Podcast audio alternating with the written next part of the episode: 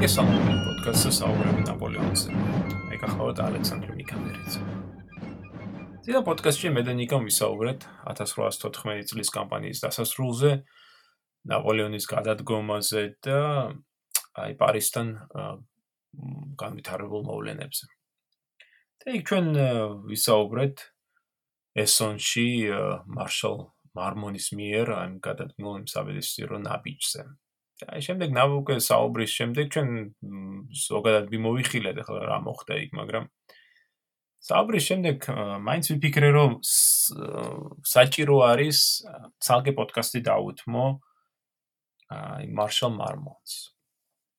თოროს მარმონმა საინტერესო და რთული ცხოვრება განვლო და ვფიქრობ რომ მისი პიროვნება, მისი კარიერა დღემდე არ არის ესეთი კარგად გააზრებული და გაცნობებული საქართველოსში არც თქვათ აქ ამერიკაშიც ბერმა არიცის თუ რა მიხსები ქონდა თქვათ მარმონს ან რაუბიცკა ან 1814 წელს გადაედგა ეს ნაბიჯი ან კონკრეტულად რა მოხდა აი აპრილის პირველ კვირას რომელიც რომელსაც ასე დიდი როლი შეასრულა მარმონის ცხოვრებაში ამიტომ გადავწყვიტე ეს ეს დღევანდელი პოდკასტი სწორედ მარმონს დაუთმო.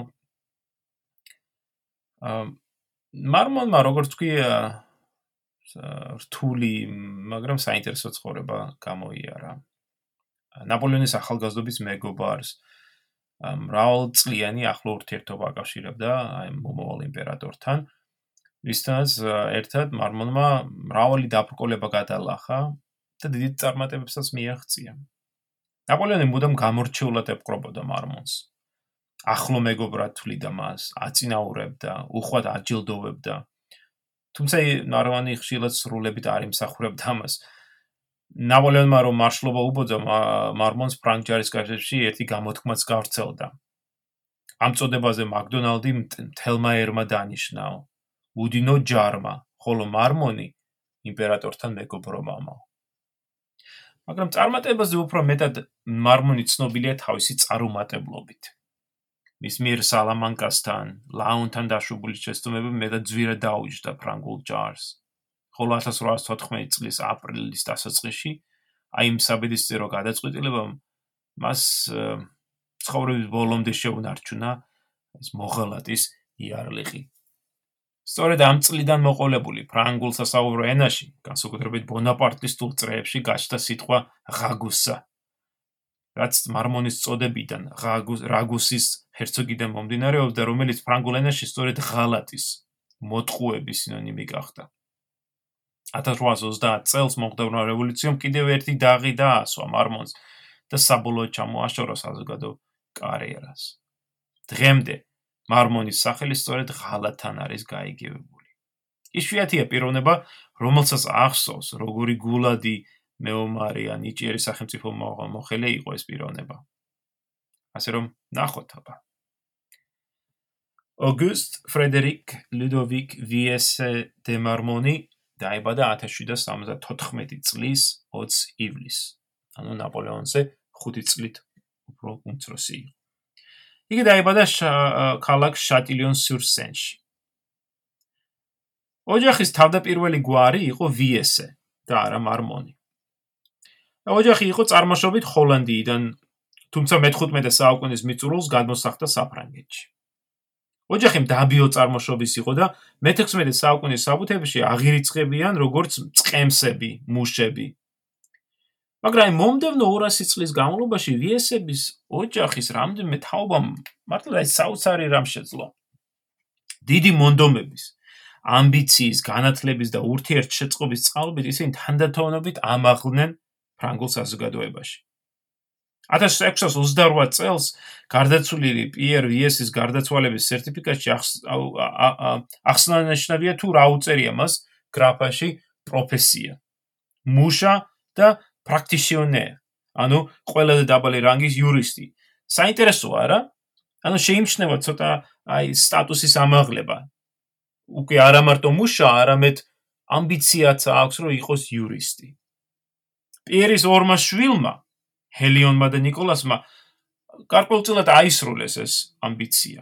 ორთავე მიიღო კარგი განათლება და შემდგომში უკვე მუშაობდნენ ადვოკატებად. ანუ აღარც არიან უკვე მუშები, უკვე ადვოკატები არიან. რაც კიდევ უფრო მაღალ სოციალურ რანგს გულისხმობდა. ნიკოლასის შვილმა, ასევე ნიკოლასმა, კიდევ უფრო დიდ წარმატებას მიაღწია და გახდა პარლამენტის, ანუ აი საფრანგეთში არსებული 13 უმაღლეს სასამართლოს ერთ-ერთის ადვოკატი. აი მისმა შვილმა კი სიმონ ვიესმა მართლა ზიდებული კარიერა გამოიარა, გახდა ნოტარიუსი, შეძლო მეფესთან თვით მეფესთან შეხვედრა. მასთან დაახლოება. და 1712 წლისათვის უკვე მსახურობდა მეფის მრჩევლად და მთელ ბურგუნდიის საკითხებს კურირებდა. რაც თავარია, სწორედ მისი წყალობით ოჯახმა შეძლო თავდაზნაურობის მოპოვება. და სიმონის 18 შვილი, 18 შვილი უკვე აზნაურებად გვევლინება. და მათ სახელს ამშვენებს არამხოლოდ გვარი ვიესე, არამედ მათ საკუთრებაში არსებული ადგილების სახელებიც. მაგალითად, ვიესე დე პერინგუ ან ვიესე დე შავონი ან ვიესე დე მარმონი. ჩვენთვის სწორედ აი ამ უკანასკნელი გვარის და წოდების განშტოებაა საინტერესო. სიმონ ვიესეს შვილიშვილი იყო نيكოლას ედმე ვიესე დე მარმონი, რომელიც 1729 წელს დაიბადა. სამხედრო საქმეს მიიღო ხელი, მსახურობდა ჰაინეს პოლკში, თავი გამოიჩინა არაერთ სამხედრო კამპანიაში, იბრძოდა სახელგანწმული ფრანგი მეთაურების მარშალ დე რიშელიუს და მარშალ საქსის ჯარებში. შემდეგ გავიდა პენსიაზე, მსახურობდა კონდეს პრინცების კარზე და საბოლოოდ დასახლდა ქალაქ შატილიონში. 1779 წელს მან ცოლად მოიყვანა პარიზში სილამაზით ხახალგანთქმული ახალგაზრდა გოგო, მასზე 11 წლით უმცროსი, კლოტილდე ელენ ვიქტუარ შამპრონი. მართალია ქორწინება გარიგებით მოხდა, მაგრამ აი ეს აღმოჩნდა სწორედ ის შიშვიათი შემთხვევა, როდესაც გარიგებით დაქორწინებულ ცოლ-ქმარს მართლაც შეუყვარდათ ერთმანეთი და სიამტკბილობაში გაატარეს მომდენო 37 წელი. ბენიერ წყვილს მარი ორი შვილის შეეძინათ. გოგონა ალექსანდრინ შარლოტ მარგარიტ და ვაჟი ოგუსტი. ჩვენი პოდკასტის მომავალი გმირი თუ ანტიგმირი. რთულია მონახო ნიკოლა ედმეზე უფრო მეტად მზრუნველი და მოსიყვარული мама. ვაჟის დაბადებიდანვე მუდამ მასევლებოდა თავს. ყოველდღე ზრუნავდა მასზე, ყველანაირად ცდილობდა მის მომავლისათვის მომზადებას. არ მეგულება სხვა мама, რომელიც თავის შულზე ისეთივე მონდომებით ზრუნავდა, როგორც мама ჩემიო, აღნიშნავს მარმონი თავის მემუარებში. ჩემი დაბადების დღიდანვე მე მისი ცხოვრების აზრად ვიქეცი და თავისუფლად შემილია განვაცხადო, რომ თუ მე გამაჩნია რაიმე სათნოება ან დადებითი თვისება, ყველა სწორედ მამაჩემის აღზრდის შედეგია.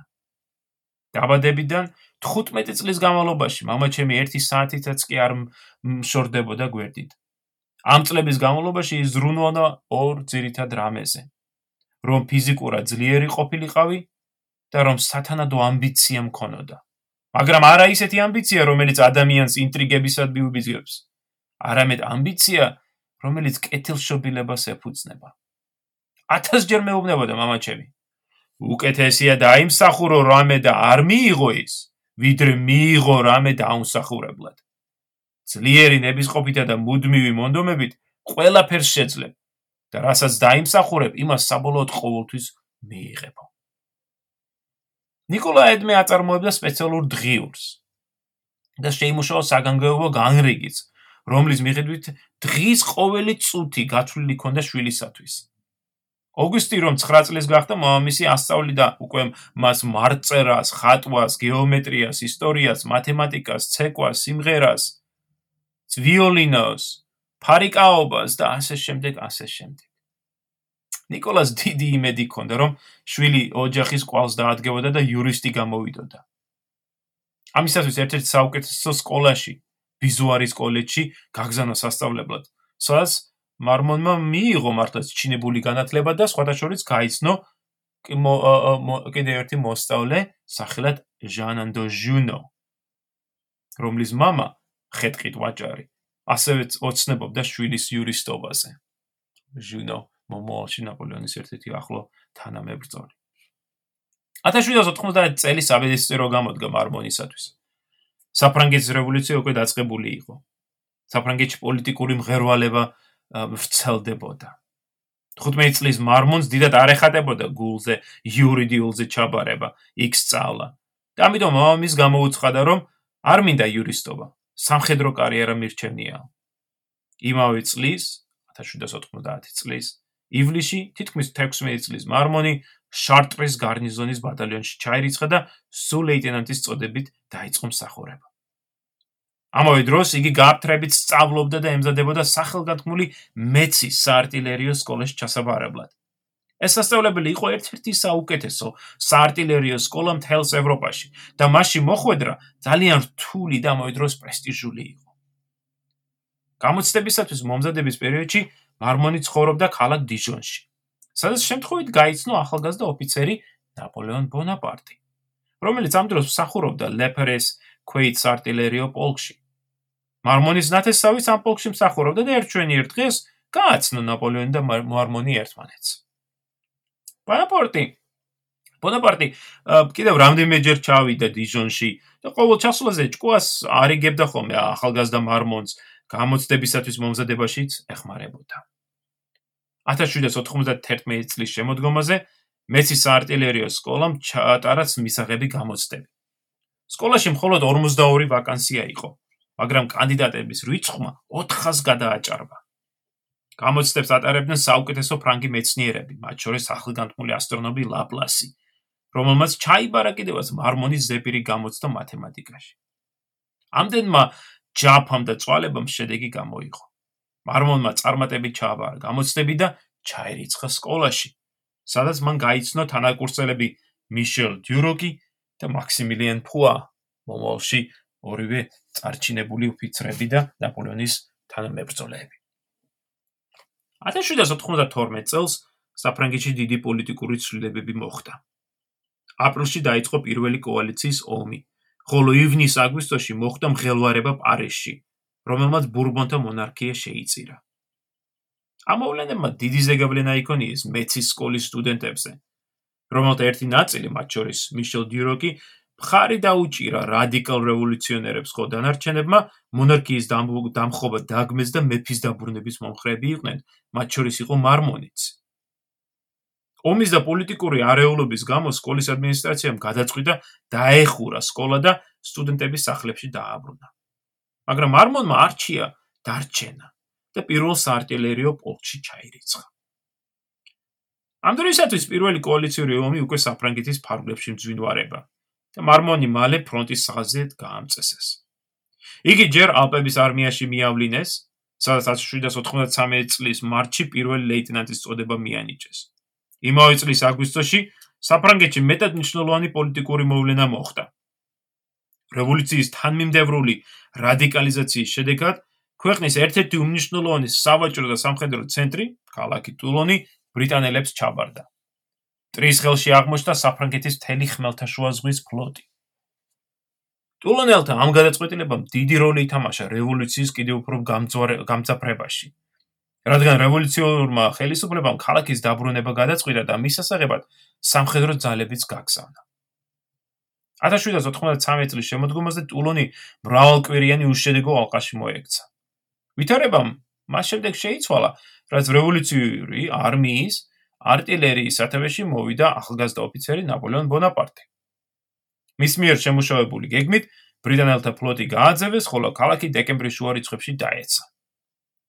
არმონმა მონაწილეობა მიიღო ამ მოვლენებში. 1793 წლის ნოემბერში მან კაპიტნობაც მოიპოვა. ამ დროს იგი მხოლოდ 19 წლისაა.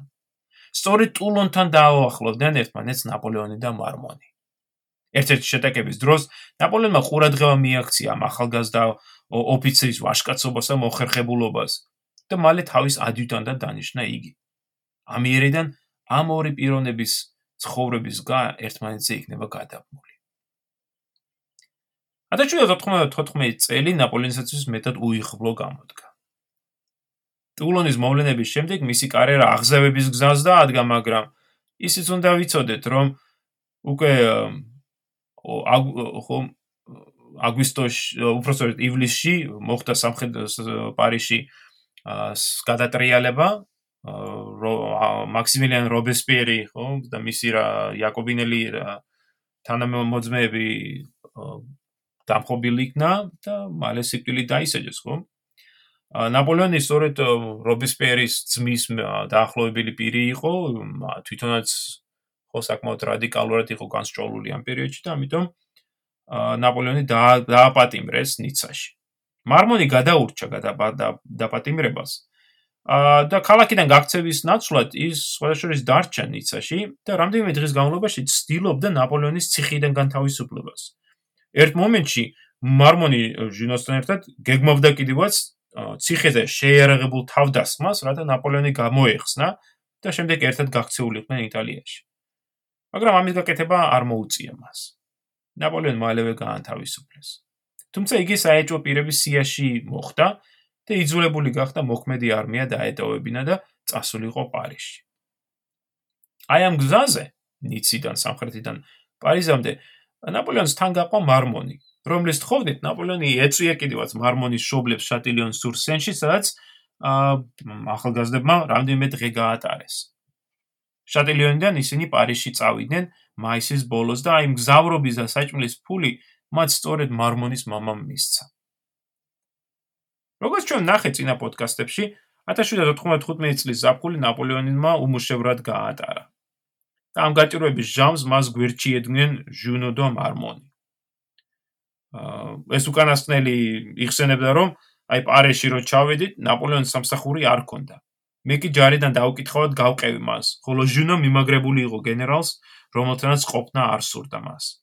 ასე რომ სამივე დავსახდით ოტელ დე ლა ლიბერტეში, ხოსე მონმარტის ქუჩაზე და მთელ დღეს ვატარებდით პალე როიალში. თუმცა ძალიან ცოტა ფული ჰქონდა და არც მომავალი გვიქადდა რამე სასიკეთოს.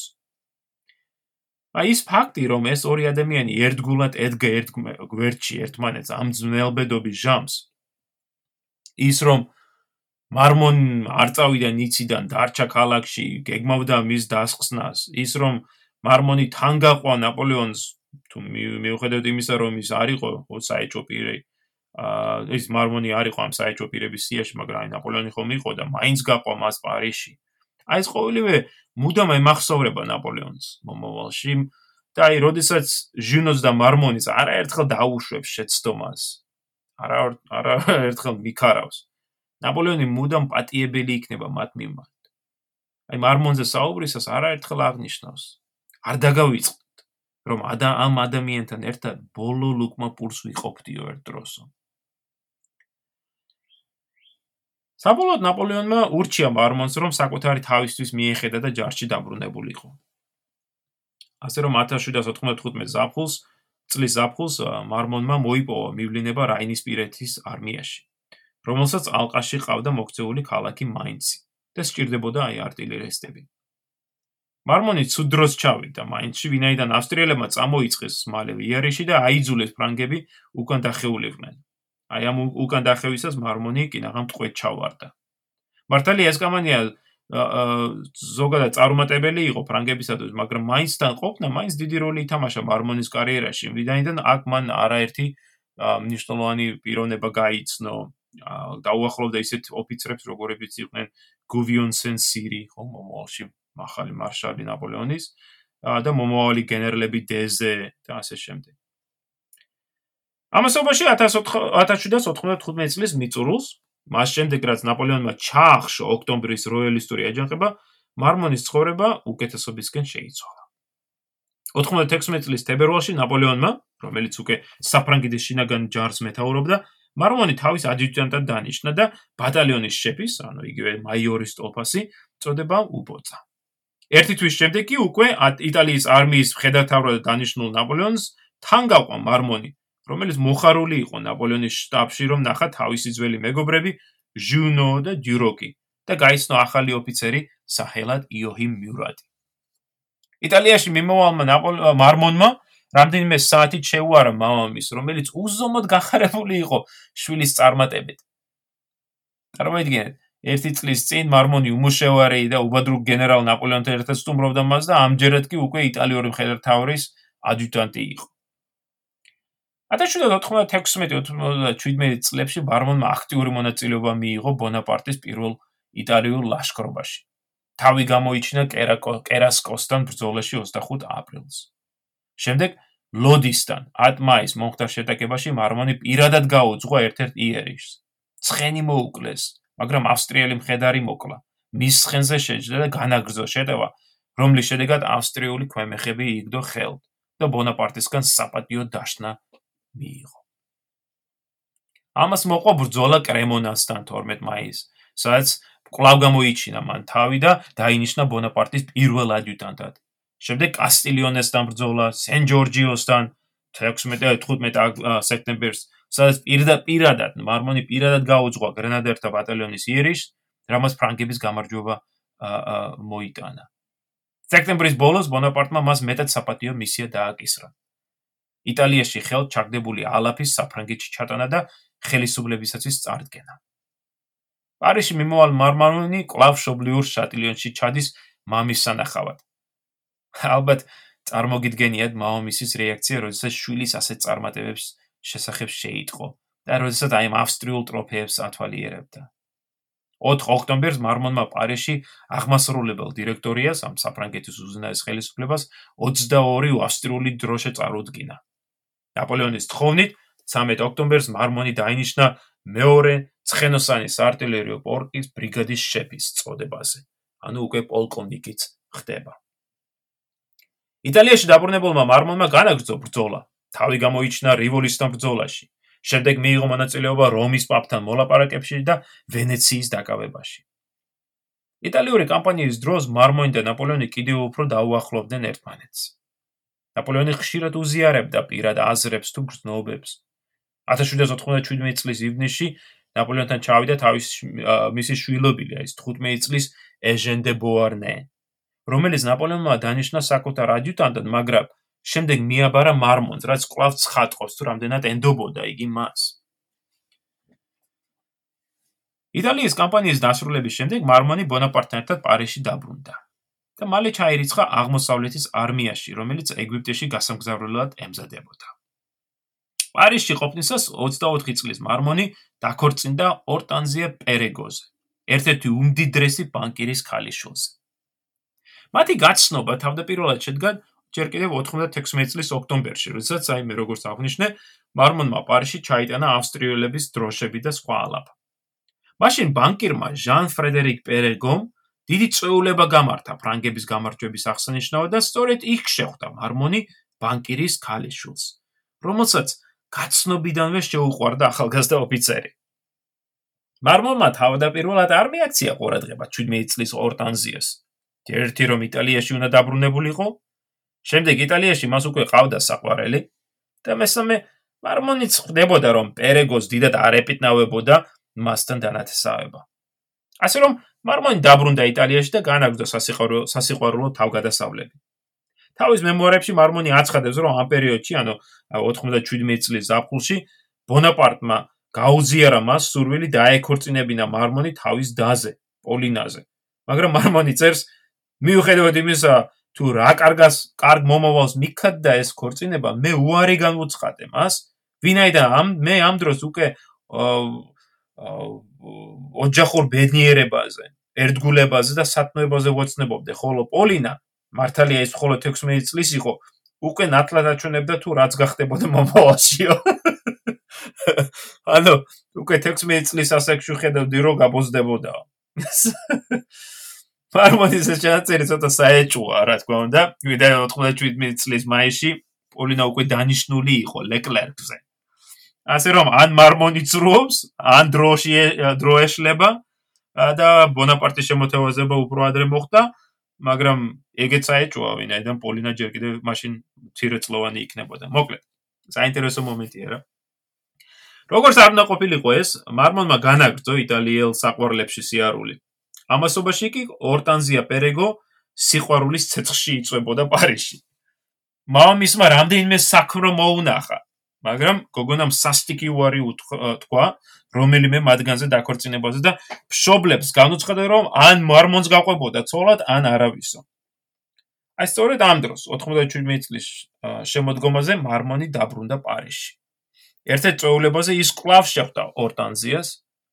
ამჯერად ამ შეხვედრამ სხვა შედეგი გამოიღო და მარმონსანს მოეწონა ეს გოგონა.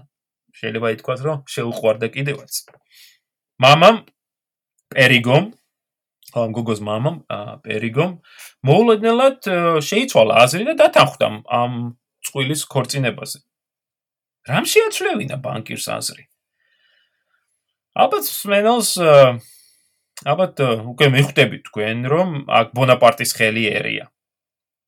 მართლაც, შემდგომში უკვე მრავალი წლის შემდეგ 1814 წელს მარმონის განდგომის შემდეგ ნაპოლეონი კოლენკურტთან საუბარში მწარედ აღნიშნავს კიდევაც. ჩემს ხელში გაიზარდა ეგო ხერი, ჩემს სახში საჭმელს ჭამდა, ჩემი ხელშეწყობით დაქორწინდაო. ბუნებრივია იტალიიდან დაბრუნებული ძლევამოსილი მხედართავის ჩარევა გადამწყვეტს როლს ითამაშებდა პერიგ პერიგოსათვის. შეიძლება მარმონი მას დიდად არ ეხატებოდა გულზე, თუმცა შემდგომში პერიგო აცხადებდა რომ ახტაცებული იყო სასიძოს განათლებით და მანერებით. მაგრამ ის რომ მარმონს ზურგს უმაგრებდა ნაპოლეონი, რა თქმა უნდა მნიშვნელოვანი იყო. 1798 წლის აპრილში მარმონმა და ორტანზიამ დიდი ქორწინებად გადაიხადეს პარიზში. ნაპოლეონმა წყვილს გმეტად გულუხვის აჩქარი მიართვა 500000 ფრანკი.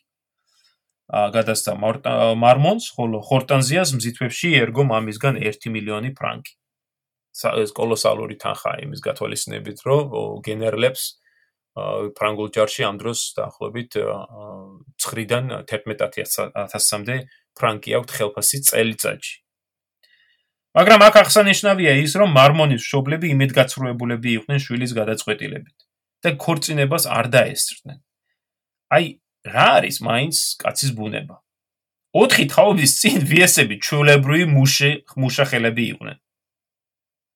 ეხლა, მაგრამ ეხლა აი გაზნაურებულებს მათ არ ეუპრიანებოდათ ბანკებთან დანათესავება. ქორწინება მეტნაკლებად ბედნიერი იყო ყოველ შემთხვევაში პირველი რამოდენიმე წელი. ცოლქმარს მართლაც ერთმანეთი უყვარდა და შემდგომში არაერთი პრობლემით მეუხედავად მაინც დარჩნენ ერთად, თუმცა ვნახავთ ჩვენ რაც მოუვათ მათ. მაი მათი თაფლობის თვე კი ხანმოკლე იყო. 7 მაისს მარმონი უკვე გზას დაადგა, რათა ჩასულიყო ტულონში და მონაწილეობა მიიღო ეგვიპტის კამპანიაში. 1798 წლის მაისის შუა რიცხვებში ფრანგულმა ფლოტმა დატოვა მშობლიური სანაპიროები და უცხო მიწისკენ აიღო გესი. მარმონი კლავ ნაპოლეონის ადიუტანტია.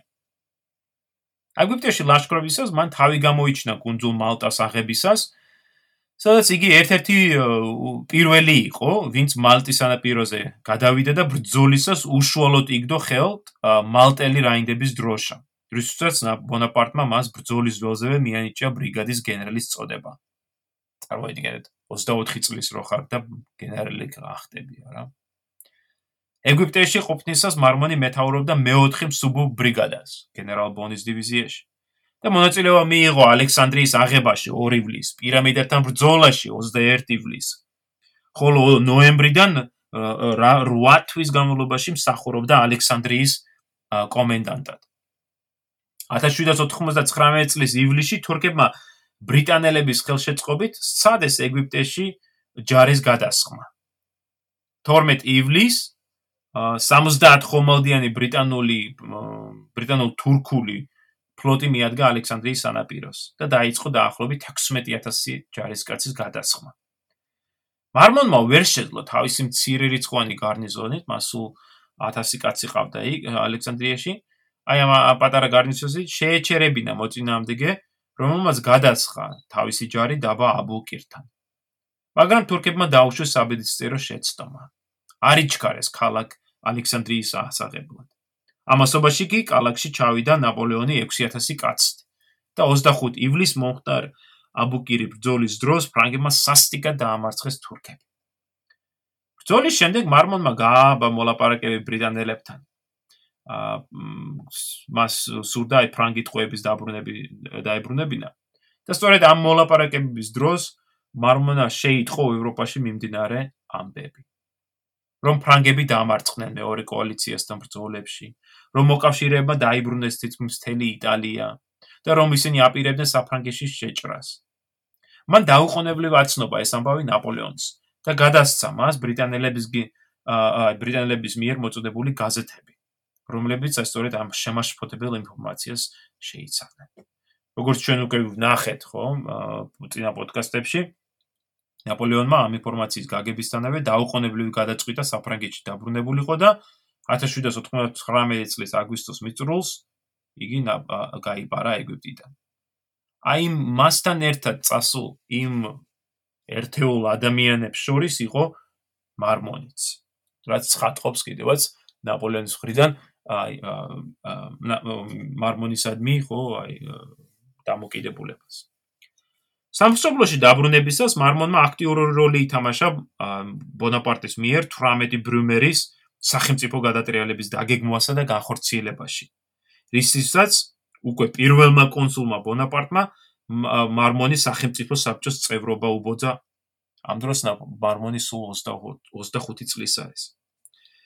მომდევნო 4 წლით განმავლობაში მარმონი ნაპოლეონის ერთ-ერთი უახლოესი თანამებრძოლია.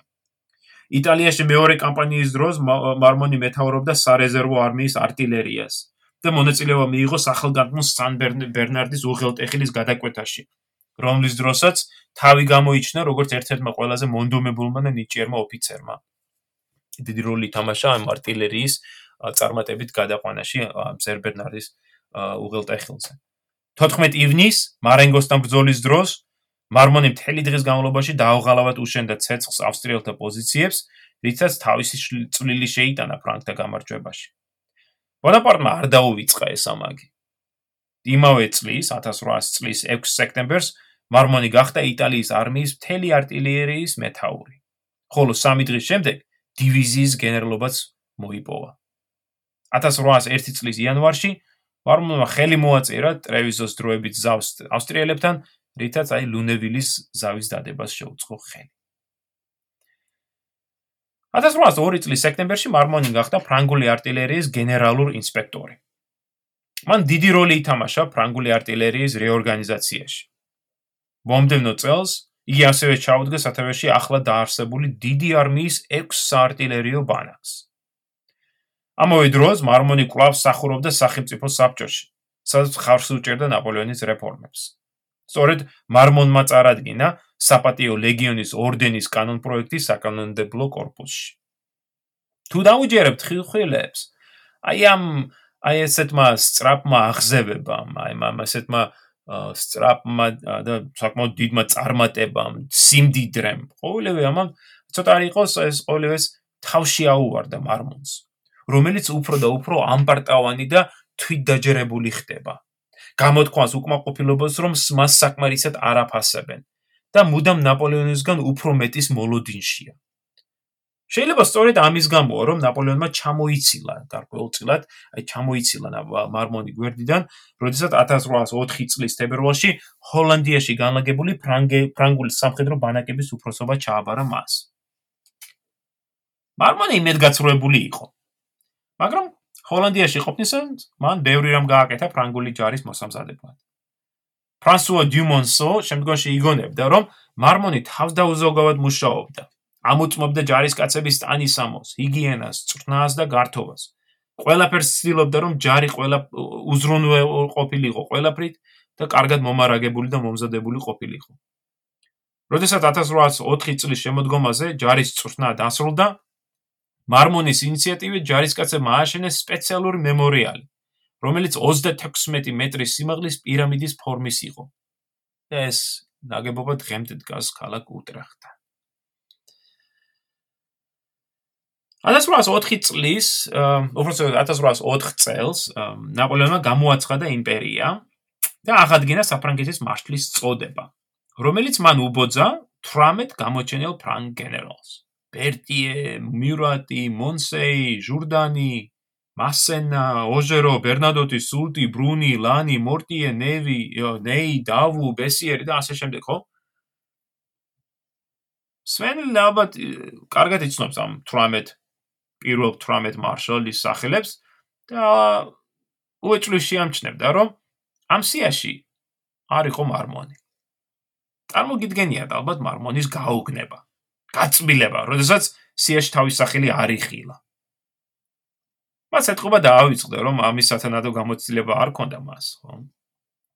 აქამდე ის ხომ უმეტესწილად ნაპოლეონის ადიუტანტად მსახურობდა, შემდეგ მოკლე პერიოდი ბრიგადას მეთაურობდა და აი ახლა სამხედრო ბანაკებს ედგა სათავეში.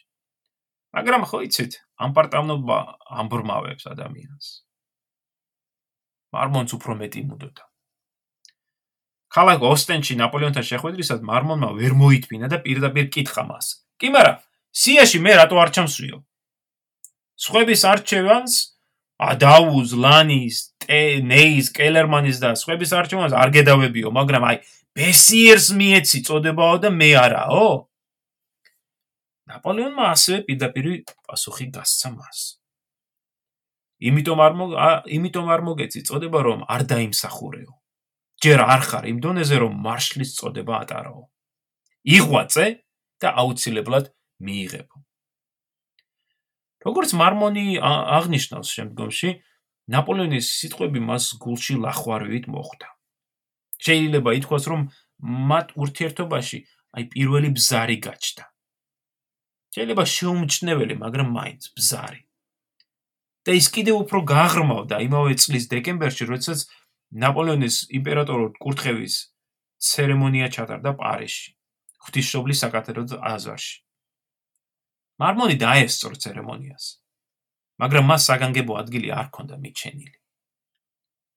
კორონაციის დროს მე ვიდექი 1000 სხვა ოფიცრის შორისო, წერს ბარმონი. ამავე დროს, ჩემ თანამებრძოლეებს, რომელთაც корпуსების მეთაურობა და მარშლობა ერგოთ, გამორჩეული პატივი და ადგილი ერგოთ. მე კი არაფერი. ეთყობა რომ ხრნის, ხო? ჭია გულისში ხრნის. მარმონი ცოტა უკეთეს განწყობაზე დადგა 1805 წელს. 26 იანვარს შეიტყო რომ ნაპოლეონმა მას საპატიო ლეგიონის ორდენის დიდი არწივის რანგი უბოცა და რომ 1 თებერვალს მას დიდი არმიის ერთ-ერთი უმაღლესი წოდება ჰუსართა და ცხენოსან ეგერთა გენერალ-პოლკოვნიკობა ერგო. 30 აგვისტოს კი მარმონი დიდი არმიის მეორე კორპუსის მეთაური გახდა.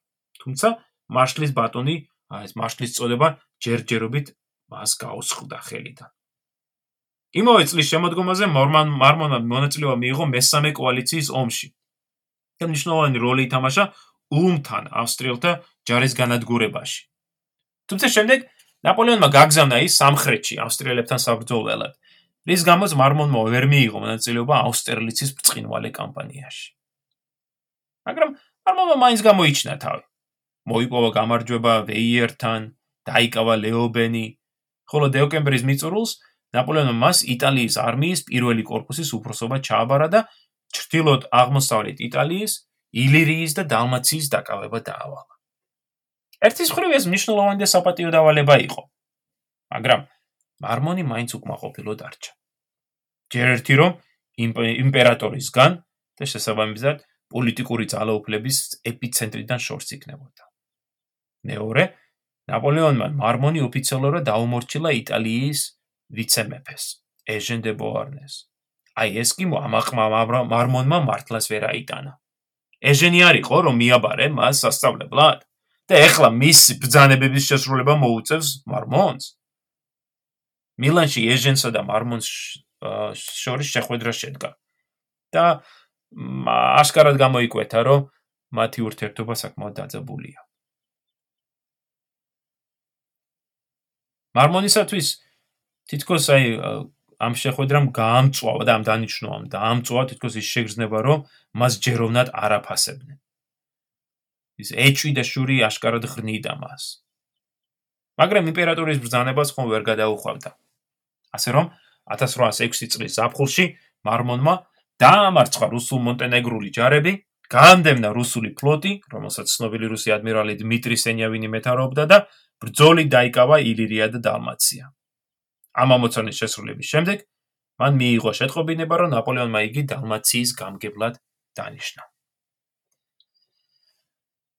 დალმაციის გამგებლობა და მარმონის კარიერის ერთ-ერთი ყველაზე მნიშვნელოვანი, ალბათ ყველაზე მნიშვნელოვანი სიმართლეებით ვთქვათ, და ბრწყინვალე მომენტია.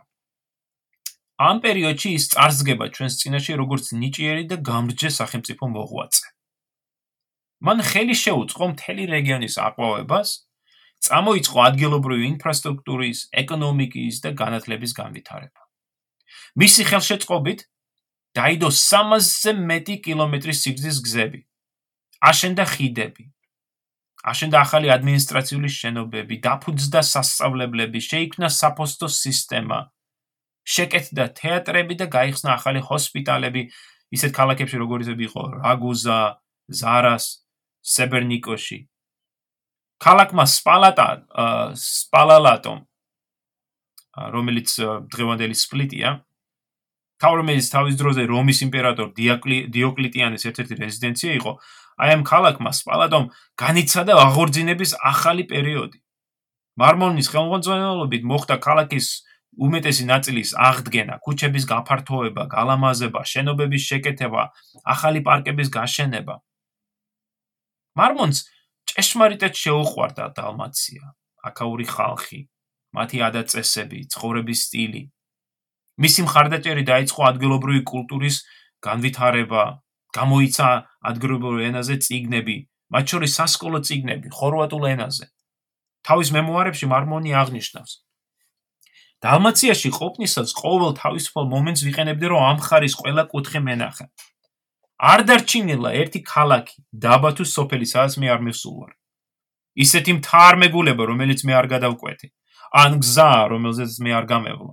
აი ეხლაც კი 22 წლის შემდგომ მე კარგად მახსოვს ის ადგილები და მათი სახელები. ამ ხარეს რომ ვინმე ხელი მოავლოს, სოფლიოში უმშვენიერესი და უმდიდრესი იქნება. მაგრამ ხო, მუდამ ეს მაგრამ. მაგრამ დალმაციაში ყოფნა ასევე გულისხმობდა იმას, რომ მარმონმა არ მიიღო მონაწილეობა მეოთხე კოალიციის ომში. ვერ გამოიჩინა თავი იენასთან. ვერ ჩაიარა ტრიუმფით ბერლინის ქუჩებში. ვერც ფრიდლანდის მზე იხილა და ვერც ნემანზე დამარცხებული რუსეთის იმპერატორის ნაპოლეონთან შეხვედრას დასწრებია. ნაპოლეონმა კი დააჯილდოვა მარმონი. კი უბოძა მას რაგოზას ჰერცოგის ტიტული, მაგრამ გულის სიღრმეში მარმონისათვის ეს ვერ იქნებოდა საკმარისი. მარმონს ბევრი დადებითი მხარე გააჩნდა. ჩინებული განათლება, კარგი მოსაუბრე, ბუნებით ნიჭიერი, ვაშკაცი, მონდომებული, ბეჯითი პიროვნება იყო. მაგრამ ამავე დროს ეს იყო ამპარტოვანი პიროვნება, რომლის გულს სწორედ დიდების ჭია ხრავდა. მას დიდებას წყუროდა. დალმაცია კი იყო ლამაზი და სათნო, მაგრამ მარმონს უფრო მეტი ქონდა გულში ჩაფიქრებული, უფრო მეტი სურდა. აი ამ მიზნის მიღწევად კი მა იგი მზად იყო ეღონა ყველაფერი. ყველას მუდამ შეახსენებდა, რამდენად ჭკვიანი და გამრჯე იყო იგი. არ ერიდებოდა სხვის გაკეთებული საქმე თავისად გაესაღა. ხოლო თუ რაიმე ნაკლიან შეცდომას აღმოაჩენდა, ყველას თავის ქვეშერდომს აბრალებდა ხოლმე. სწორედ ამ ამბიციის გამო ჯარისკაცებმა მას შეარქვეს დალმაციაში ლე ლეღუა მარმონ, ანუ მეფე მარმონი. უფრო მეტიც, მის ზურგს უკან ჯარისკაცები მას უწევდნენ მონსიე ბხენძია ნაბიჭვარი. მარმონის შემჩნეული იყო ფულის ფლანგვაშიც. ხშირად სახელმწიფო ფინანსებს იყენებდა საკუთარი წვეულებისა თუ სხვა გასართობების მოსაწყობად. ბუნებრივია ასეთი ფლანგვა არ გამოეპარებოდა ნაპოლეონს, რომელმაც 1808 წლის მაისში მოითხოვა დეტალური ხარშჩაძღრიცხვა დალმაციიდან. მარმონმა სადა გამემართლებინა თავი, აეხსნა რაში წავიდა ფული, მაგრამ იმპერატორს აბა ასე ადვილად ვინ გააცურებდა. მარმონმა კაცრი საყვედური მიიღო. მაგრამ ნაპოლეონმა ის არ გადააყენა, არ გადააყენა თანამდებობით. რატო? ნაწილობრივ იმიტომ რომ ნაპოლეონს არ სურდა საჯაროდ გამოიტანა, საჯაროზე გამოიტანა აი დალმაციაში ფრანგული ხელისუფლებაში არსებული პრობლემები, ხო ეს აი სახებოდა საკმაოდ ცუდად თვითონ იმპერიულ ხელისუფლებაზეც, ხო? მას ასევე კარგად ესმოდა, რომ მარმონი ფულს კი ფლანგავდა, მაგრამ ის ასევე ბევრ კარგ საქმესაც აკეთებდა. კარგად ერკვეოდა ადგილობრივ საქმეებში და დალმაციაში ვითარებას აკონტროლებდა, რაც ალბათ ყველაზე მნიშვნელოვანი ფაქტორია. აი მისი გადაყენება და გაწევა შესაძლოა გამოეწვია რეგიონში დესტაბილიზაცია. ასევე არ უნდა დაგვაუწყდეს, რომ მარმონის მეუღლე იყო იმპერიის ერთ-ერთი უმდიდრესი ბანკირის შვილი, ხოლო ნაპოლეონს მუდამ სჭირდებოდა საბანკო კრედიტები. 1809-1811 წლები წარმოადგენენ ბარმონის კარიერის საუკეთესო წლებს. მისი დიდების მწერვალს, თუმცა იგი ამას მხოლოდ მრავალი წლის შემდეგ გაიაზრებს. 1809 წლის აპრილში დაიწყო მეხუთე კოალიციის ომი, რომლის დროს ნაპოლეონმა გაიწვია მარმონი დალმაციიდან და მას დიდი არმიის მე-11 корпуსის მეთაურობა გადასცა. მარმონმა გაიმარჯვა დაბა ფიუმთან და შემდეგ მონაწილეობა მიიღო ვაგრამთან ბრძოლაში, 1809 წლის 5-6 ივლისს. ვაგრამთა ბრძოლაში მარმონის მონაწილეობა საინტერესოა რამდენიმე მხრივ. დიდ არმიაში მისვლა მარმონმა მხოლოდ ბრძოლის წინა დღეს შეძლო, რის გამოც მისმა დაღლილმა ჯარისკაცებმა ვერ მიიღეს უშუალო მონაწილეობა ბრძოლაში და რეზერვში იყვნენ დატოვებული. მაგრამ მარმონმა იბრძოლა, თუმცა არც ისე წარმატებულად. როგორც გამოცდილ артиლერისტს, ნაპოლეონმა მარმონს ჩააბარა საარტილერიო ბატარეა, რომელიც მდებარეობდა უდინოს, გენერლები უდინოს და მაკდონალდს корпуსებს შორის. ბრძოლის დროს იმპერატორმა უბრძანა მაკდონალდს მიეტანა იერეში დაბა ვაგრამზე, ხოლო მარმონს დაევალა გაეწია საარტილერიო მხარდაჭერა ამ შეტევისათვის. თუმცა მან ჯერონად ვერ გაართვა თავი ამ მომოცანას. შეიძლება ეს იყო შედეგი იმისა, რომ მარმონი 2 წლის განმავლობაში ამ მარმონს არ უომია. ხო? აი ბოლო 2 წელი მან დალმაციაში გაატარა, ხო? მაშინ როდესაც მისი თანამებრძოლეები, ვთქვათ, იბრძოდნენ პრუსიასთან, იბრძოდნენ აი ი რაკია ი ეილაუსთან, ხო, ჰელსბერგთან და ფრიდლანდთან ამ დროს არ იყო. თითქოს და აი დააკდა მას ეს გამოცდილება. ანდაც ვაგრამის ბრძოლის სიდიდემ ეს ხომ ერთ-ერთი ყველაზე უდიდესი ბრძოლა არის მე-19 საუკუნის თავის სიდიდით. აი ამ ბრძოლის სიდიდემ და ინტენსივობამ შეიძლება დააბნია. აა მაგრამ როგორც არ უნდა ყოფილიყო საქმე ბრძოლის შუა გულში? მარმონმა ეს მარმონი ვერ გაერკვა ზუსტად რა უნდა გაეკეთებინა და გაუგზავნა წერილი ნაპოლეონს. იქნებ ზუსტად მითხრა რა უნდა გავაკეთო. წარმოგიდგენიათ ხო იმპერატორის პასუხი იყო მოკლე და პირდაპირი. მე ყველგან ერთდროულად ვერ ვიქნები. შენ რო გაძლევ დავალებას უნდა შეგეძლოს მისი დამოუკიდებლობა შესრულება ადგილობრივი ვითარების მიხედვითო. მაგრამ არმონმა ვერ შეძლო ამოცანისათვის აი თავის გარტმევა და ვაგრამთან გამარჯვებაში მას თითქმის ეს ეხა წვლილი შეიტანა, მაგრამ ცხადია გადამწყვეტი არა. 7 ივლისს, ანუ ბრძოლის დასრულების შემდეგ, იმპერატორმა მოიწია სამხედრო სამხედრო სხდომა. სადაც შეაქო ის გენერლები, რომლებმაც თავი გამოიჩინეს ბრძოლის დროს. მარმონი იყო ამ სხდომაზე, მაგრამ იმპერატორს სიტყვა არ დასცენია ამაზე. უпроსტორეთ არ დასცენია სიტყვა მარმონზე, ხო? ამით განაცხენებულმა მარმონმა სცადა რაღაცის თქმა, წარმოგიდგენიათ ხო ეხლა მაინც. მაგრამ ნაპოლეონისგან უკმეხი პასუხი მიიღო. მარმონ არ გინდა რაიმეზე საუბარი. ხამანცკასავით მოქმედებდიო.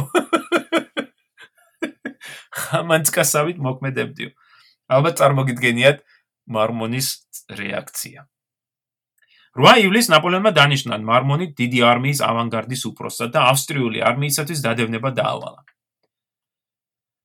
აშკარა იყო, რომ იმპერატორს თავის ძველ მეგობარს აძლევდა, ანუ უფროსორი სურდა, რომ კონდოდა საშუალება ეს შესაძლებლობა გამოესწორებინა ბრძოლის დროს დაშვებული შეცდომა. რაც მარმონმა შეძლო გარკვეულწილად, მარშალ მასენას დახმარებით ვინედან ქალაქ ცნაიმთან ატივლის მან იერიში მიიტანა ავსტრიელთა პოზიციებზე დაამარცხა ავსტრიელები და ამ ბრძოლის შემდეგ ავსტრიელებმა ზავი ითხოვეს. ორ დღეში 12 ივლისს მარმონი შეხვდა ნაპოლეონს და მათ შორის პირდაპირი და ალალი საუბარი შედგა. ნაპოლეონმა პირდაპირ ჩამოუთვალა ყველა ის შეცდომა, რაც მარმონმა დაუშვა. ბევრი იკამათეს, მაგრამ ბოლოს მარმონმა აღიარა შეცდომები და დამწუხრებული დაბრუნდა თავის კარავში. მაგრამ წარმოიდგინეთ მისი გაოცება, როდესაც იმავე ხანს მას თავზე დაადგა ბერტიეს ადიუტანტი ალექსანდრე ჟირარტენი სასიხარულო ცნობით. გაიხვიძე, გაიხვიძე იმპერატორმა თქვენ მაკდონალდს და უდინოს მარშლის წოდება გიბოძათო. მარმონი გაოგნებული იყო. მერე გონს რომ მოიგო, არ იცოდა რა ეკნა სიხარულისგან. მაგრამ აი ჯარმა უარყოფითად მიიღო ეს ცნობა. და არაერთმა ოფიცერმა გამოხატა უკმაყოფილო. ეჟენ დე ბუარნემ პირდაპირ უთხრა მობილს. დიდი იმედი მაქვს რომ არინანებ მარმონისათვის მარშლობის მინიჭებასო. ფრანგ ჯარისკაცებში კი მალევე გავწელდა გამოთქმა, რომელიც მე ამ პოდკასტის დასაწყისში ვახსენე. ამ წოდებაზე მაკდონალდი თელმა ერმა დანიშნაო, უდინო ჯარმა ხოლო მარმონი ნაპოლეონთან მეგობრობამო. სიმართლეა ამ გამანათქვამში. ომის დასრულების შემდეგ მარმონი დაბრუნდა პარიზში, სადაც ბოლოს 1804 წელს იყო დამყოფი. ცოლთან ამდენი წლიანმა განშორებამ დიდი ზეგავლენა იქონია მათ ქორწინებაზე. ცოლიც და ქმარიც სასიყვარულო ურთიერთობებში იყო გაბმული. მარმონი იტალიელი მარმონს იტალიელი საყვარელი ყავდა დალმაციაში. ხოლო მის ცოლს დიდი ხნის რომანსი აკავშირებდა ცნობილ ბანკერთან ლაფიტთან. ნაპოლეონი დიდი ხნის განმავლობაში უმალავდა მარმონს ამ ინფორმაციას. და პარიზის პარიზში მარმონის ჩასვლამდე იმპერატორმა ბრძანა კიდევაც ფუშესთან უბრძანა ყველა ღონე ეხმარა რომ მარმონს არ გაეგო ცოლის ღალატის ამბავი. მაგრამ ამაოდ მარმონმა მალევე შეიტყო ეს. მაგრამ ცოლს არ გაუმხილა, ან ყოველ შემთხვევაში საჯაროდ არაფერი უთქვამს. და ცოლკმარმა გაატარა 1809 წლის ოქტომბერი წოულებებში და კარგ დროის წარებაში. უდავოდ მარმონი ხვდებოდა, რომ ცოლთან განშორებას მოყვებოდა დიდძალი ქონების დაკარგვა და განქორწინებას მასთან საქმის გარჩევა და შერიგება არჩია. ახლა შეიძლება არც გამოვრიცხავთ, ახლა არ უნდა გამოვრიცხოთ, შეიძლება უყვარდა ეს ქალი იმდენად რომ აპატია. პარიზში დასვენების შემდეგ მარმონი კვლავ დალმაციაში დაბრუნდა, მაგრამ ამჯერად უკვე არა როგორც გამგებელი, არამედ როგორც საფრანგეთის ილირიული პროვინციების გენერალ-გუბერნატორი. ფაქტობრივად, მარმონი უშუალოდ იმპერატორს დაექვემდებარა და დალმაციაში უზენაესი ხელისუფლება სარგებლობდა. პარიზიდან წასვლისას მარმონმა ცოლი თან გაიყოლა. რა ვიცოვა, იქნებ კიდევ ერთხელ არ შეცდესო ეს კალი.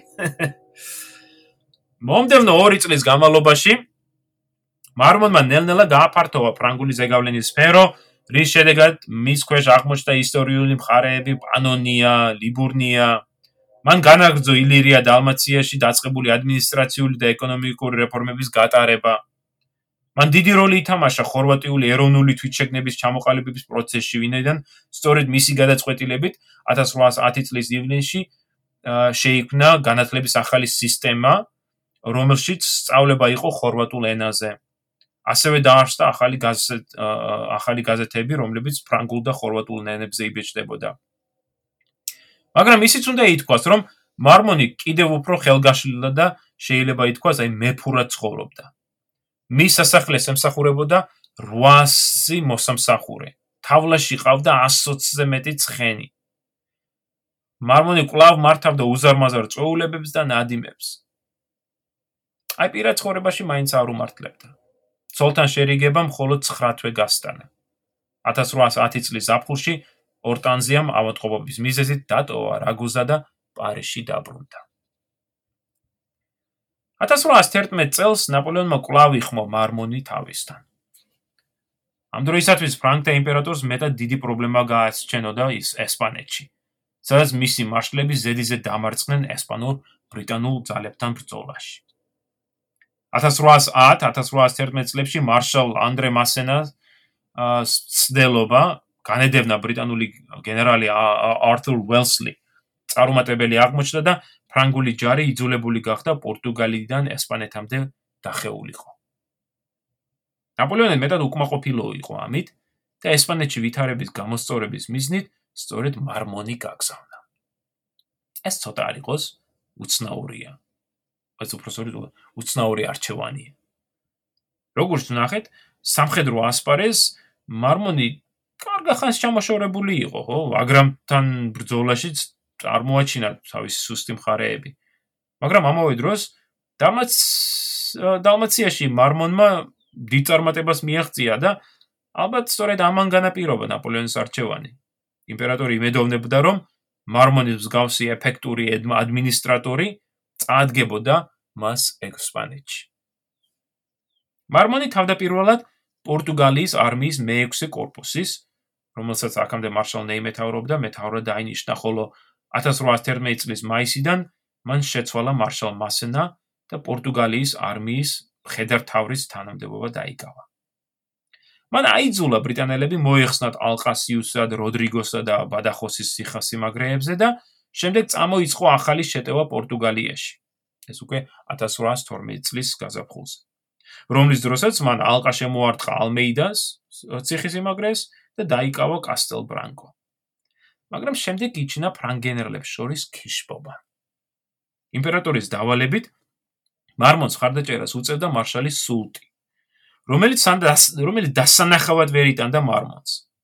მათ შორის არაერთი შეხლა-შემახლა მოხდა, რის გამოც სულტმა საერთოდ მიატოვა მარმონი და თავის корпуსით დაბრუნდა ანდალუსიაში. ამავე დროს ნაპოლეონი ცდილობდა სიტუაციის მართვას შორეული პარიზიდან, მაგრამ მის მიერ გაცემული ბრძანებები თითქმის ერთი თვის დაგვიანებით აღწევდნენ მარმონამდე და იმ დროისათვის სამსებით არ შეესაბამებოდნენ შევითარებას. მარმონსა და ნაპოლეონის შორის კლავ იჩინა განხეთქილება. ნაპოლეონი აკრიტიკებდა მარშალს, ხოლო მარმონი საპასუხოდ წერდა რომ ციტატა ეს იმპერატორი რომ უშუალოდ ადგილზე იყოს პორტუგალიაში, სულ სხვანაირად შეაფასებდა ჩემს გომარეობასო. მაგრამ ამ პრობლემების მიუხედავად მარმონმა თითქმის 1 წლის განმავლობაში შეძლო პოზიციების შენარჩუნება პორტუგალიაში. რასაც მისი მტრებიც კი აღიარებენ. ერთ-ერთი მათგანი, მაგალითად, რაპეტი აღნიშნავს, ეს ცოტა ჯარის მეტაურის წარმატება განისაზღვრება იმ სირთულეებით, რომლებიც მას დახვდა და რომლებიც მან გადალახა მის ხელთ არსებული რესურსებით.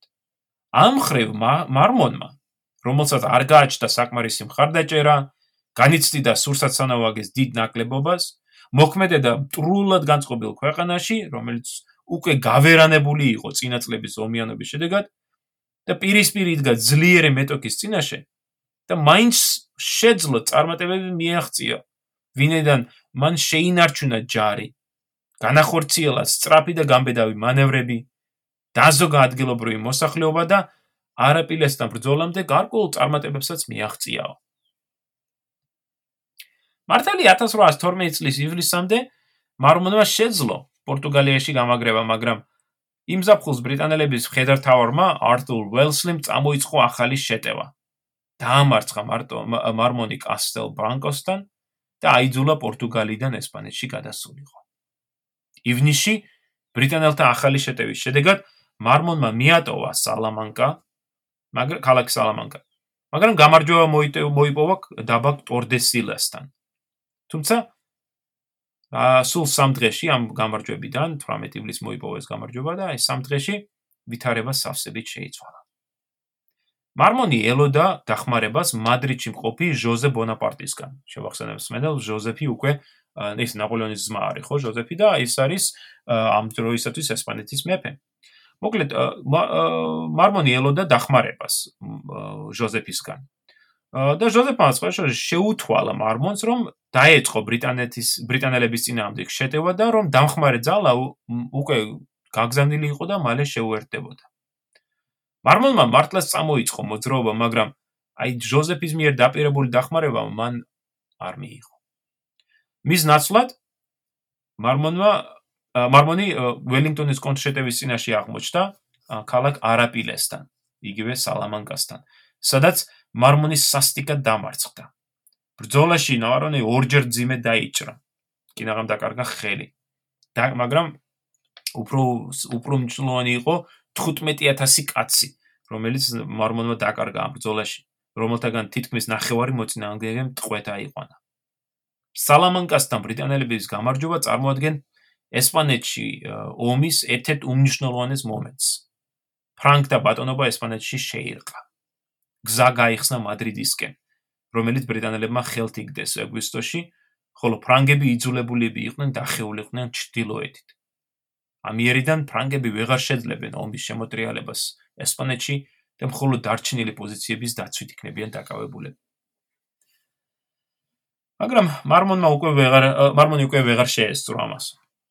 ესპანეთში ყოფნა აა ის ის დაჭრილი იყო და ამიტომ ესპანეთში ყოფნა საფრანგეთში დაბრუნება არჩია. ასევე მინდა აღვნიშნო რომ აი აი ესპანეთში რადგანაც ესპანეთში იყო მარმონი, ეს ყოველი ნიშნავდა ის, რომ მან ვერ მიიღო მონაწილეობა რუსეთში ნაპოლეონის ლაშქრობაში. სალამანკასთან ბრძოლის მიღებული ამ ჭრილობების მოსაშუშებლად მარმონი საფრანგეთში დაბრუნდა და სამშობლოში მას დახვდა არაერთი გამკიცხველი, რომლებიც აი ესპანეთში დამარცხებას უშუალოდ მარმონს აბრალებდნენ. მათ შორის იყო ჟოზე ბონაპარტიც, რომელიც როგორც ნახე, საკმაოდ დამნაშავე იყო ამ დამარცხებაში, მაგრამ რომელიც თავის ძმასთან მიწერილ წერილებში თავი თავს სავსებით იმართლებდა და თელს პასუხისმგებლობას მარმონს ადებდა. ნაპოლეონმა შეიტყო სალამანკას ბრძოლის ამბავი სექტემბერში, როდესაც მოსკოვს უახლოვდებოდა. განრისხებულმა ნაპოლეონმა დაუყოვნებლივ მოითხოვა გამოძიების ჩატარება და ამ დამარცხების გამოწვევი მიზეზების დადგენა. და თავდაპირველად ნაპოლეონი სწორედ თავის ძმის ჟოზეფის ხარეზე იყო და ისეთი მკაცრი წერილი გაუგზავნა მარმონს, რომ ომის მინისტრმა ანრი კლარკმა არჩი არ გაეგზავნა წერილი მარმონთან. 1812 წლის დეკემბერში მარმონი ჩავიდა პარიზში, სადაც იგი შეხვდა რუსეთიდან ახლად დაბრუნებულ ნაპოლეონს. იმპერატორმა ძალიან კარგად მიმიღო, იხსენებდა შემდგომში მარმონი.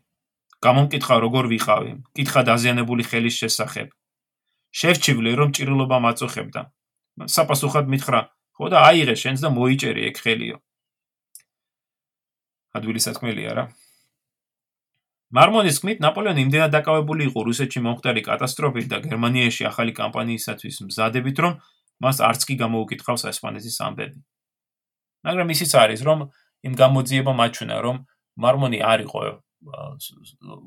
მარტო პასუხისგებელი სალამანკასთან დამარცხებისათვის და ამიტომ ნაპოლეონმა შეეშვა ფაქტიურად მარმონს. გამოჯართელების შემდეგ 1813 წლის დასაწყისში მარმონი დაუბრუნდა მოქმედ არმიას. თავდაპირველად იგი მეთაურობდა რაინის პირველ საობზერვაციო კორპუსს, ხოლო 12 მარტიდან იგი არმიის მე-6 კორპუსში ჩაუდგა სათავეში. მან მონაწილეობა მიიღო მე-6 კოალიციის ომში და თავი გამოიჩინა ლუცენთან 2 მაისს, სადაც მეთაურობდა ფრანგების მარცხენა ფლანგს. შემდეგ ბაუცენთან 21 მაისს, სადაც მეთაურობდა უკვე ცენტრს. მან დიდად განიცადა თავისი ძველი მეგობრის მიშელ დიუროკის სიკვდილი რაშენბახთან 22 მაისს. ივნის-ივლისში ნაპოლეონი და მოკავშირეები შეთანხმდნენ დროებით დაზავებაზე, რომლის დროსაც ორივე მხარე გამალებით ემზადებოდა ომისათვის, რომელიც მალეც განახდა აგვისტოში. მარმონმა მონაწილეობა მიიღო დრეზდენის ბრძოლაში, აგვისტოს მიწურულს, სადაც მისმა დროულმა მისვლა ფრანგებს გამარჯვება მოუტანა. მაგრამ სექტემბერში ფრანგი გენერლები ზედიზედ რამდენიმეჯერ მარცხდებიან. ვანდამი კუმთან, ნეი კაცბახთან, უდინო გროსბერენთან. ამიტომ ნაპოლეონმა ჯარს თავი მოუყარა ლეიპციგთან, სადაც 16-19 ოქტომბერს მოხდა გადამწყვეტი ბრძოლა, რომლის დროსაც მარმონი ხელმძღვანელობდა მარცხენა ფლანგს. სამი დღის განმავლობაში გააფრთებით იცავდა პოზიციებს სილეზიის და ჩრდილოეთის არმიებს ერთობლივით ძალების წინააღმდეგ. არაერთხელ პირადად წამოუწყია მარმონს ფრანგების კონტრშევები და ამ ბრძოლების დროს დაიჭრა კიდევაც. 19 ოქტომბერს, როდესაც ნაპოლეონი ლაიფციგიდან ლაიფციგიდან უკან იხევს, მარმონი უკანასკნელ წუთებამდე იბრძვის ქალაქის დასაცავად. რამდენიმე ტყვია მოხდა? ქუჩი. თავის კალას აცდა მაგ ქუჩი მოხდა. 4 ცხენი მოუკლეს და რამდენიმე ადიუტანტი დაეღუპა. მაგრამ მიუხედავად ყველაფრისა 8 საათის განმავლობაში იცავდა ლაიფციგის შემოგარენს რათა ძირითადი ძალები სამშვიდობოს გასულიყვნენ შემდეგ შუა დღისას მიხვდა რა რომ ვეღარ შეძლებდა პოზიციების დაცვას, მარმონ უკან დაიხია და მდინარე ელსტერის ხიდზე გადავიდა. მისი გადასვლიდან მხოლოდ რამდენიმე წუთში მოხდა აი საბედისწერო აფეთქება, რომელმაც ათასობით ფრანგი ჯარისკაცი გაიწირა. ბრძოლის შემდეგ ნაპოლეონმა დაავალა მარმონს მესამე, მეხუთე, მეექვსე და მეშვიდე корпуსების ნარჩენებისგან ახალი корпуსის შექმნა, რაც მარმონმა შეასრულა. თუმცა მხოლოდ 6000 კაცის მოგროვება შეძლო. ნოემბერში საფრანგეთისკენ უკან დახევისას ნაპოლეონმა მარმონს მაინცის კომენდანტობა ჩააბარა და მოკავშირეთა შეჩერება დაავალა. რაც ბუნებრივია შეუძლებელი იყო არსებულ ვითარებაში. საფრანგეთში დაბრუნებული მარმონი მალე შამპანიის არმიის მეექვსე корпуსის მეთაურად დაინიშნა და მოკავშირეს მოკავშირეებისგან სამშობლოს დაცვას შეუდგა. მან მონაწილეობა მიიღო ბრიენთან, ლაროტიესთან, შამპობერთან, ვოშამთან, მონმირაითან, მოსთან, გიატრემთან, ლიზისურ უქსა და რეიმსთან ბრძოლებში. ეს არის სულ თებერვალ მარტში. რომლებიც აი ფრანგთა გამარჯვებებით დასრულდა და ნაპოლეონის ომში აი გამარჯვების იმედით გაუღვივა. მარმონმა ნიშნულოვანი წვლილი შეიტანა ამ ბრძოლ ამ გამარჯვებებში. ლაროტიესთან და შამპობერთან მისმა ძლიერმა იერიშებმა გაარღვიეს მოწინააღმდეგის პოზიციები. ხოლო ვოშამთან მან მარჯვედ შეიტყვა პრუსიელები ნაპოლეონის მიერ შერჩეულ პოზიციებზე.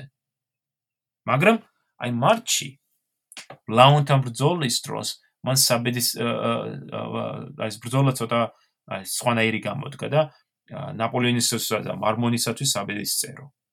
რუსეთის და პრუსიის ჯარებთან შებრძოლების წინ იმპერატორმა მიიღო ცნობა რომ მარმონის კორპუსი არც ისე მოშორებით იყო განლაგებული და და მარშალს ლაონისკენ დაუყოვნებლივ წამოსვლა უბრძანა. მარმონი თავდაპირველად ენერგიულად შეუდგა ამ ბრძანების შესრულებას. მიუხედავად იმისა, რომ მას გამოუცდელი ჯარისკაცები ყავდა, მან შეძლო მათი მოწესრიგება და ბრძოლით გაიკაფა გზას სოფელ ათიესში, რითაც მოკავშირეთა მარცხენა ფლანგს შეუფნა საფრთხე. მაგრამ აი შემდეგ, ცოტა გასაკვირია რაც მოხდა. დაღამდა. მარშალი აა ცოტა იყოს დაღლილია. ჯარი სოფელში დატოვა, ხოლო თვითონ სოფლიდან 5 კილომეტრის მოშორებით აა მდებარე მყუდრო ციხეცე დარბაში, ეპეს ციხე დარბაში ღამის გასათენებლად წავიდა. საოცარი არა? დატოვა ჯარი და თვითონ აი ამ დარბაზში წავიდა. მისი არ ყოფნისას პრუსიელები თავს დაიხსნენ корпуს და სასტიკად დაამარცხეს. რის შედეგად მარმონმა ვერ შეძლო ნაპოლეონისათვის აი მეტად საჭირო დახმარე ძალის მისშველება და ლაონთან ბრძოლა ფრანკთა დამარცხებით დასრულდა.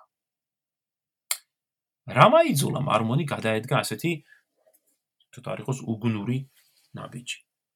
ალბათ უპირველეს ყოვლისა ზოგადმა გადაღლილობა, უკვე მესამე თვე განუწყვეტლი ვიბრძოდა. ნა თუ ჩავთვლით იმას რომ აი ესპანეთთან დაბრუნებულს ო დაჭრილს ძლივს ფერზე ადადგა და შემდეგ წავიდა გერმანიაში და მე მაისის 1813 წლის მაისის შემდეგ განუწყვეტლი ვომობს მაშინ ალბათ ადვილად გასაგები იქნება მისი გადაღლილობა. მით უმეტეს რომ აი ბოლოს სამი კვირის განმავლობაში, თებერვლის და მარტში მას ნორმალურად არც უძინია და მუდამ გზაზე იყო. მაგრამ ფიქრობ აქ როლი ითამაშა იმანაც რომ მარმონში ეს იმედგაცრუება და ცოტა იყოს ფსიქოლოგიური დათრუნგვაც იჩენს თავს. ის ხვდება რომ ნაპოლეონმა წააგო ომი. რომ ამ ბრძოლას აზრი აღარ აქვს უკვე. რომ და აშკარა რომ მას დასრულებას სურს. ეს მარტო მარმონი არ არის, ხო ამარშლებში ხო შეიმჩნევა ეს. ეს გრძნობები მას კიდევ უფრო გაუმძაფრდა ნაპოლეონის მხრიდან მკაცრი გაკიცხვის შემდეგ. ალაუნთა ბრძოლის შემდეგ ნაპოლეონი ეუბნება მარმონს. უბრალო ლეიტენანტის მსგავსად იქ მოიქეციო. სამხედრო მინისტრთან მიწერილ წერილში კი ნაპოლეონი აღნიშნავს: მარმონის წერილებიდან ახავს ვერაფერს გებულობ. ამ ამ მარშლის ამ პარტოვნობისა და საკუთარ თავზე დიდი წარმოდგენის გარდა. მან ხო ყოველთვის ყველაფერი კარგად იცის. ყოველთვის ყველაფერს სწორედ აკეთებს და ყოველას ჭკუას არიგებს. რაოდან სამწუხაროდ რაოდან სამწუხაროა, რომ ამხელა ნიჭის პატრონს არ შეუძლია ამ სულელობის მოშლა ამ ამ პარტოვნობაზე ამბობს. ან ყოველ შემთხვევაში მისი შეკავებაა. მარტის დარჩენილი სამი კვირა კიდევ უფრო მძიმე გამოდგა. ბრძოლები რეიმსთან, ფიმთან, ფერლ შამპენუასთან, ლაფერტე გოშერთან, კლავ სისხლის ყრა, კლავ დაღლილობა, კლავ იმედგაცრუება. მარტის მიწურულს მარმონი პარიზში აღმოჩნდა. სადაც მოკავშირეთა მთელი ჯარის ალყის ქვეშ მოექცა. მაგრამ დღენახევრის განმავლობაში იცავდა ქალაქს. მან თავდაპირველად უარი განაცხადა დანებებაზე და ამაყად განაცხადა, რომ პარიზში ქვას ქვაზე არ დატოვებდა, ვიდრე დანებდებოდა. მაგრამ 30 მარტს, მას შემდეგ რაც ნაპოლეონისგან დახმარების იმედი გადაეწურა, მარმონმა და მასთან მყოფმა მარშალმა მორდიემ გადაწყვიტეს, რომ დრო იყო დაზავებაზე ხელი მოეწერათ, რომლის შედეგადაც პარიზი მოკავშირეებს ჩაბარდა. თუმცა მარმონმა უზრუნველყო, რომ თავისი მთელი корпуსი უვნებლად გასულიყო ქალაქიდან, რაც ძალიან დიდი მიღწევა იყო. ამ გადაწყვილების მიღებაში მას დიდი ზეგავლენა იქონია ნაპოლეონის ყოფილმა საგარეო საქმეთა მინისტრმა შალ მორის ტალერან დე პერიგორმა, რომელიც უკვე მრავალი წლის განმავლობაში მოკავშირეთა თანამშრომლობდა და ნაპოლეონის ზურგს უკან მის იმპერიის დანგრევას უწყობდა. პარიზის დათმობის შემდეგ მარმონმა თავისი корпуსი დაბა ესონში განალაგა და მოვლენათა განვითარებას დაელოდა. აი 31 მარტიდან დაწყებული მომდენო რამოდენიმე დღე სწორედ უმნიშვნელოვანესია მარმონის ცხოვრებაში. სწორედ ამ დროს დატრიალდა ტრაგედია, რომელიც ცხოვრების ბოლომდე გაყვება მას და სამუდამოდ შეუცვლის მას მის ბედს. სწორედ ამ დროს გადადგა მან ის ნაბიჯი, რომელსაც იგი ასეთი ცნობილია დღეს. ნაპოლეონისგან განდგომა, ღალატი და მოკავშირებისათვის თავისი корпуსის ჩაბარება. მაგრამ თუ ჩავუღრმავდებით ისტორიას, დავინახოთ, რომ რეალობა ცოტა უფრო რთულია. არც ისე კვეთრი შავ-თეთრ ფერებშია ის ეს სინამდვილე. და რომ რეალობაში ამ მოვლენებში მარმონის გარდა გარეული იყო ბევრი სხვა პიროვნებაც, რომელსაც უნდა დაეკისროს პასუხისგებლობა. მოდით აბა ჩავუღრმავდეთ უფრო ამ მომენტს. 31 მარტს, გვიან ღამით, მარმონი ჩავიდა ფონტენბლოში პარიზიდან და შეხვდა ნაპოლეონს. მათ ხანმოკლე საუბარი ჰქონდათ. იმპერატორმა შეაქო მარმონი პარიზის დაცვისათვის, დაცვისას გამოჩენილი მხნეობისათვის და უთხრა, რომ სურს მოკავშირეებთან დაზავება. პირველ აპრილს დილით ნაპოლეონი გააყვა მარმონს ესონში, სადაც შეამოწმა მარმონის მეექვსე корпуსი. შეაქო კორპუსის ჯარისკაცები მათი შემართებისათვის და აი პარიზის დაცვისას გამოჩენილი თავდადებისათვის. შემდეგ ნაპოლეონსა და მორმონს შორის შედგა კიდევ ერთი საუბარი, რომლის დროსაც ნაპოლეონმა უბრძანა მარმონს დაეწყო მომზადება თავისი 10000 კაცით პარიზისკენ შეტევისათვის. მორმონი ცოტა რიგოს გაოცებული იყო ამით. მან შეეხსენა იმპერატორს, რომ მის ჯარისკაცები დაღლილები იყვნენ, რომ ისინი ეხლახანს დაბრუნდნენ ხო პარიზიდან ბრძოლის და მარშის შემდეგ და რაც თავარია ამ ერთი корпуსით, ამ 10000 კაციანი корпуსით მოკავშირეთა მთელი ძალების წინააღმდეგ შედევას ანუ შედეგად თვითკვლელობის ტოლფასი იქნებოდა. ნაპოლეონი დათანხმდა მას, ნუ ანუ და მარმონი დარჩა იმ დღეს ესონში. მაგრამ თვითონ ეს გარემოება, რომ ნაპოლეონი მზად იყო ეს გაეცა, შემაშფოთებებული იყო მარმონისათვის. იმავე დღეს პარიზიდან ჩამოვიდა ახალი ამბავი, რომ მოკავშირეებმა უარი თქვეს მიიღოთ ნაპოლეონის შეთავაზება და ეწყოთ მოლაპარაკება. ამაზე განრისხებულმა ნაპოლეონმა იმავე საღამოს დაიბარა მარმონი და განუცხადა მას, რომ სამხედრო მოქმედებები მალე განახდება და რომ მარმონმა უნდა წამოიწყოს იერიში პარიზზე. მარმონმა კლავს სადა შეკამათება, მაგრამ ნაპოლეონმა უმალვე გაისტუმრა გარეთ. ამასობაში მოკავშირეთა ბანაკში ვნებათა ხელვარება იყო. ერთის ხრივ მოკავშირეები მოხარულები იყვნენ პარიზის დაკავებით, მაგრამ ამავე დროს ისინი შიშობდნენ, რომ ნაპოლეონს, რომელიც ფონტენბლოში იყო, ჯერ კიდევ გააჩნდა საკმარისი სამხედრო ძალა, რათა განეგრძო ომი და დიდი ზიანი მიეყენებინა მათთვის. თებერვლის 6 დღიანი კამპანიის ამბები ჯერ კიდევ ხომ ყოველას კარგად ახსოვდათ. ტალერანს კარგად ესმოდა ეს. იმპერატორი ალექსანდრე ხომ მის სახში ცხოვრობდა და საუბარში არაერთხელ გამოუთქვამს ალექსანდრეს შეშფოთება იმით რომ ნაპოლეონს ჯერ კიდევ გააჩნდა ჯარი რომ ჯერ კიდევ ძალუძდა ზიანის მიყენება მოკავშირეებისათვის. ამიტომ ტალერანი ყველანაირად ცდილობდა გადმოებირებინა ნაპოლეონის გენერლები. ადამიანის ბუნების კარგამწოდნე ნაპოლეონ ტალერანმა განსაკუთრებული ყურადღება გაამახვილა მარშლებზე, მაკდონალდზე, უდინოზე და განსაკუთრებით მარმონზე. 2 აპრილს, ჯერ კიდევ ესონში, მარმონმა მიიღო რამდენიმე წერილი პარიზიდან, რომლებიდანაც მან შეიტყო, რომ საფრანგეთის სენატმა 2 აპრილს ფორმალურად გადააყენა ნაპოლეონი და შექმნა დროებითი ხელისუფლება ტალერანის მეთაურობით. წერილებს შორის იყო ტალერანის წერილიც, რომელშიც იგი არწმუნებდა მარმონს, რომ დროა განუდგეს ნაპოლეონს და ხელი შეუწყოს ომის დასრულებას. სენატმა ხომ უკვე გადააყენა ნაპოლეონიო და ამიტომ ამიერატო იმპერატორისათვის დადებული შენი ერთგულების ფიცი აღარ მოქმედებსო. ნაპოლეონი ხომ უკვე კერძო პირი არისო. არწმუნებდა ტალერანი ამ მარშალს. ტალერანი ასევე ეუბნებოდა მარმონს, რომ მოკავშირეები მზად იყვნენ მიეცა მას საშუალება წასულიყო თავის კორპუსთან ერთად ნორმანდიაში. სადაც მას შეძლება შეეძლებოდა ძალების მოკრეფვა, ჯარის ორგანიზება და საფრანგეთის ინტერესების დაცვა მოკავშირეებთან მოლაპარაკებისას. ტალერმა კარგად გათვალა თუ როგორ მიუდგეს მარმონს. აქცენტი თუ შეამჩნიეთ აქ არის პატრიოტიზმზე. ისევე როგორც ამბიციაზე. განუდეგი ამ ადამიანს და გადაიცავის სამშობლო.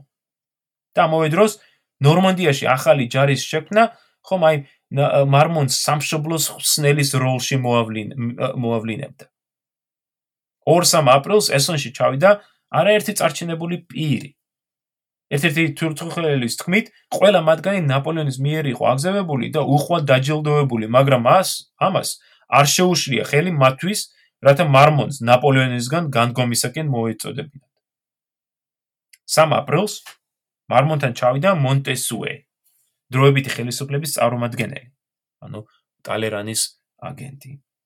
რომელმაც კლავ გაუმეორა, უკვე პირისპირ ტალერანის მიერ წერილში ნათქვამი რომ სენატმა გადააყენა ნაპოლეონი, რომ იმპერატორი უკვე კერძო პირია და ამრიგად ერთგულების ფიცი უკვე ფუჭია, რომ ნაპოლეონის საქმე წასულია, მაგრამ ჯერ კიდევ იღეს შესაძლებლობა საფრანგეთის გადასარჩენად. განუდეკი ნაპოლეონს უთხრა მონტესუემ მარმონს. გადავდექი და მთელი ჯარი გამოყვება შენო. ხელი მოე და ხელი ამის შედეგად ხელი მოეწერება ღირსეულ სამშვიდობო ხელშეკრულებას და ბოლო მოიღება 22 წლიან ომს. იმავე დღეს ნარმონმა მიიღო წერილები სხვადასხვა წარჩინებული პირებისაგან, მათ შორის რამდენიმე გენერლებისაგან, რომლებიც მას იგივეს სთხოვდნენ. სმენელს მინდა ვკითხო, აი როგორ მოიქცეოდნენ მოიქცეოდით ასეთ ვითარებაში. ომი ხომ აშკარა წაგებული იყო. ნაპოლეონის სიჯიუტე ხოლმე დამატებით ზარალს მოუტანდა ადამიანს საფრანგეთს და გაწირავდა დამატებით ფრანგ ჯარისკაცებს. ამავე დროს ისეთ ამბიციურ კაცს, როგორც მარმონი იყო, უეჭვლივ ესიამოვნებოდა ესიამოვნა აი ტალერანის და სხვების წერილები, რომელშიც იგი ქვეყნის გადამრჩენელად იყო წარმოდგენილი. მის გულში უეჭვლივ გაჩაღდებოდა ბრძოლა ერთის ხრივ აი ძველი მეგობრის მიმართ ერთგულების და მოვალეობის შემსრულების მოთხოვნას და მეორე მხრივ ქვეყნის მიმართ ვარდებულების და ომის დასრულების სურვილს შორის. თავის მემუარებში მარმონი აღნიშნავს კიდევაც, რომ იგი ყველანაირად ცდილობდა დარჩენილიყო ნაპოლეონის ერთგული და ამავე დროს ომი დაესრულებინა და საფრანგეთისათვის თავიდან აეშორებინა ახალი აოხრება და ზარალი. გადაწყვეტილების მისაღებად მარმონმა თავისთან დაიბარა თავისი корпуსის ოფიცრები და აუხსნა მას მათ თავისი გეგმა. რომ ის აპირებდა გაიხსნა მოლაპარაკებები მოკავშირეებთან. რათა მეექვსე корпуს მისცემოდა საშუალება წასულიყო ესონიდან ნორმანდიაში, ანუ შეამჩნიეთ დანებებაზე არ არის აქ საუბარი, არამედ არის საუბარი იმაზე, რომ ესონიდან გადავიდოდა ნორმანდიაში. სადაც ეს მეექვსე корпуსი ოფიციალურად ჩადგებოდა დროებითი ხელისუფლების სამსახურში. ვინაიდან ნაპოლეონი უკვე ფორმალურად გადაყენებული იყო და აღარ იყო იმპერატორი. ამ შეხვედრაზე ყოფმა ყველა ოფიცერმა გარდა ერთისა, გენერალ ლუკოტისა, ანუ ყველა ოფიცერმა გარდა ერთისა, ხარი დაუჭირა ამ გეგმას. აღსანიშნავია, რომ ამ დამსწრე ოფიცრებიდან არც ერთმა, არც ლუკოტმა არ გაამჟღავნა მარმონის ჩანაფიქრი და არ შეატყობინა თავარ შტაბს, ნაპოლეონს და ბერტიეს, ხო თქო. იმავე საღამოს ნავა მარმონმა მოამზადა შეთანხმების ვარიანტი, რომელიც მან გაგზავნა მოკავშირეთა მხედართავართან შვარცენბერგთან. ამ საიდუმლო შეთანხმების მიხედვით მოკავშირეები მისცემდნენ ნებას მარმონის კორპუსს, რომ 5 აპრილს დაეტოვებინა ეს ონი და წასულიყო ნორმანდიაში. მარმონი პირდებოდა, რომ განუდგებოდა ნაპოლეონს და ჩადგებოდა დროებითი ხელისუფლების სამსახურში. მაგრამ სამაგიეროდ ითხოვდა ნაპოლეონის პიროვნების ხელშეუხებლობას და მისთვის საკატრისის საცხოვრებელი ადგილის მონახვას. აი ეს ძალიან საყურადღებოა. ერთის ხრივ მარმონი განუდგა ნაპოლეონს, მაგრამ ამავე დროს ცდილობს თავის ძველი მეგობრის მომავალზე იზრუნოს. 4 აპრილს შვარცენბერგმა შეატყობინა მარმონს, რომ მისი პირობები მოკავშირეებისათვის მისაღები იყო და რომ შეთანხმება გაგზავნილი იქნა პარიზში სათანადო გაფორმებისათვის. ამრიგად მიღწეული იქნა ზეპირის შეთანხმება, რომელსაც ზოგჯერ შევილის შეთანხმებას უწოდებენ. ხელმოწერილი არაფერი არ იყო ჯერჯერობით, მაგრამ იმავე საღამოს ტალერანი უკვე სიხარულით აცნობებდა კურლანდიის ჰერცოგინიას. ციტატაა ეს. მარშალი მარმონი დღეს მთელი корпуსით გადავიდა ჩვენ მხარეს. ეს არის ჩვენი პროკლამაციებისა და მიმოწერის შედეგი. მარშალს აღარ სულს ბუანაპარტეს შეამჩნიათ ბუანაპარტეს, ხო და არა ნაპოლეონის. ბუანაპარტეს სამსახურში ყოფნა და სამშობლოს წინააღმდეგ ბრძოლა წერს ტალერანი. ამრიგად 3-4 აპრილი იყო სწორედ ის რუბიკონი, რომლის გადაკვეთის შემდეგ მარმონს უკან დასახები გზა თითქმის არ დარჩენოდა. მაგრამ ამ ტრაგედიის მეორე აქტი მხოლოდ ეხლა იწყებოდა. 4 აპრილს ნაპოლეონმა ხელი მოაწერა ტახტიდან გადადგომის საბუთს, რომელსაც ტახტს უტოვებდა თავის შვილს. მან გადასცა ეს საბუთი კოლენკურს და დააბარა, რომ ნეითან და მარმონთან ერთად წასულიყო მოკავშირეებთან. თან გაიყოლე მარმონი. ნაპოლეონმა უთხრა კოლენკურს. იგი ჩემი ყოფილი ადიუტანტია. ჩემთან ერთად გაიზარდა. განათლებული კაცია და მას კარგად ესმის ღირსება. ამ ჯარში სხვა არავინ არ არის ისეთი, რომლისთვისაც ამდენი რამ აქვს კონდეს გაკეთებული როგორც მარმონისათვის. ბედმა გამიღიმა, როდესაც მარმონმა შეძლო თავისი корпуსით პარიზიდან ესონში განლაგებაო. მაგრამ საინტერესოა, რომ საუბრის დასასრულს ნაპოლეონმა გადაწყვიტა, რომ მარმონის ნაცვლად პარიზში ასევე წასულიყო აა მაკდონალდი, ხოლო მარმონი დარჩენილიყო ესონში. იმავე დღეს 4 საათზე, ანუ 4 აპრილის 4 საათზე, მარმონს თავს დაადგა კოლენკური, ნეი და მაკდონალდი. კოლენკურმა შეატყობინა მარმონს, რომ ნაპოლეონმა ხელი მოაწერა გადადგომის საბუთს და მზად იყო წასულიყო გადასახლებაში. მარმონი გაოგნებული იყო ამ ოცნებით. მაშინვე მიხვდა, რომ მის მიერ გასულ ღამით შვარცენბერგთან მიღწეული შეთანხმებას აზრი აღარ ჰქონდა. იქვე გამოუთხრა მარმონი ნეის და მაკდონალდს, რომ მოკავშირეებთან აწარმოებდა მოლაპარაკებებს, თუმცა აუთხრა მათ, რომ მისი корпуსი დილით 5 აპრილის დილით, ანუ მომდენო დილით აპირებდა ნორმანდიაში წასვლას. როგორც ალბათ საუბარში მარმონმა უთხრა, ნეის და მაგნოლას როგორც თქვენ მეც დავიღალე ამ განუწყვეტელი ომისგანო სწორედ ამან მიბიძგა ამ ნაბიჯისკენო. ახლა შეიძლება მართალიან მარმონი ამხრი ხო? მაგრამ წარმოიდგინეთ ახლა ნეის და მაკდონალდის რეაქცია როცა გაიგეს რომ ნებართვის გარეშე ზურგს უკან ხო მარმონი აწარმოებს მოლაპარაკებებს. ჩვენც კი მოგბერძდა ომი, მაგრამ შენ რაც გააკეთე ღალატის ტოლფასიაო, უთხრეს მან. დაუყოვნებლივ უნდა დაუკავშირო შვარცენბერგს და გააუქმო შეთანხმებაო.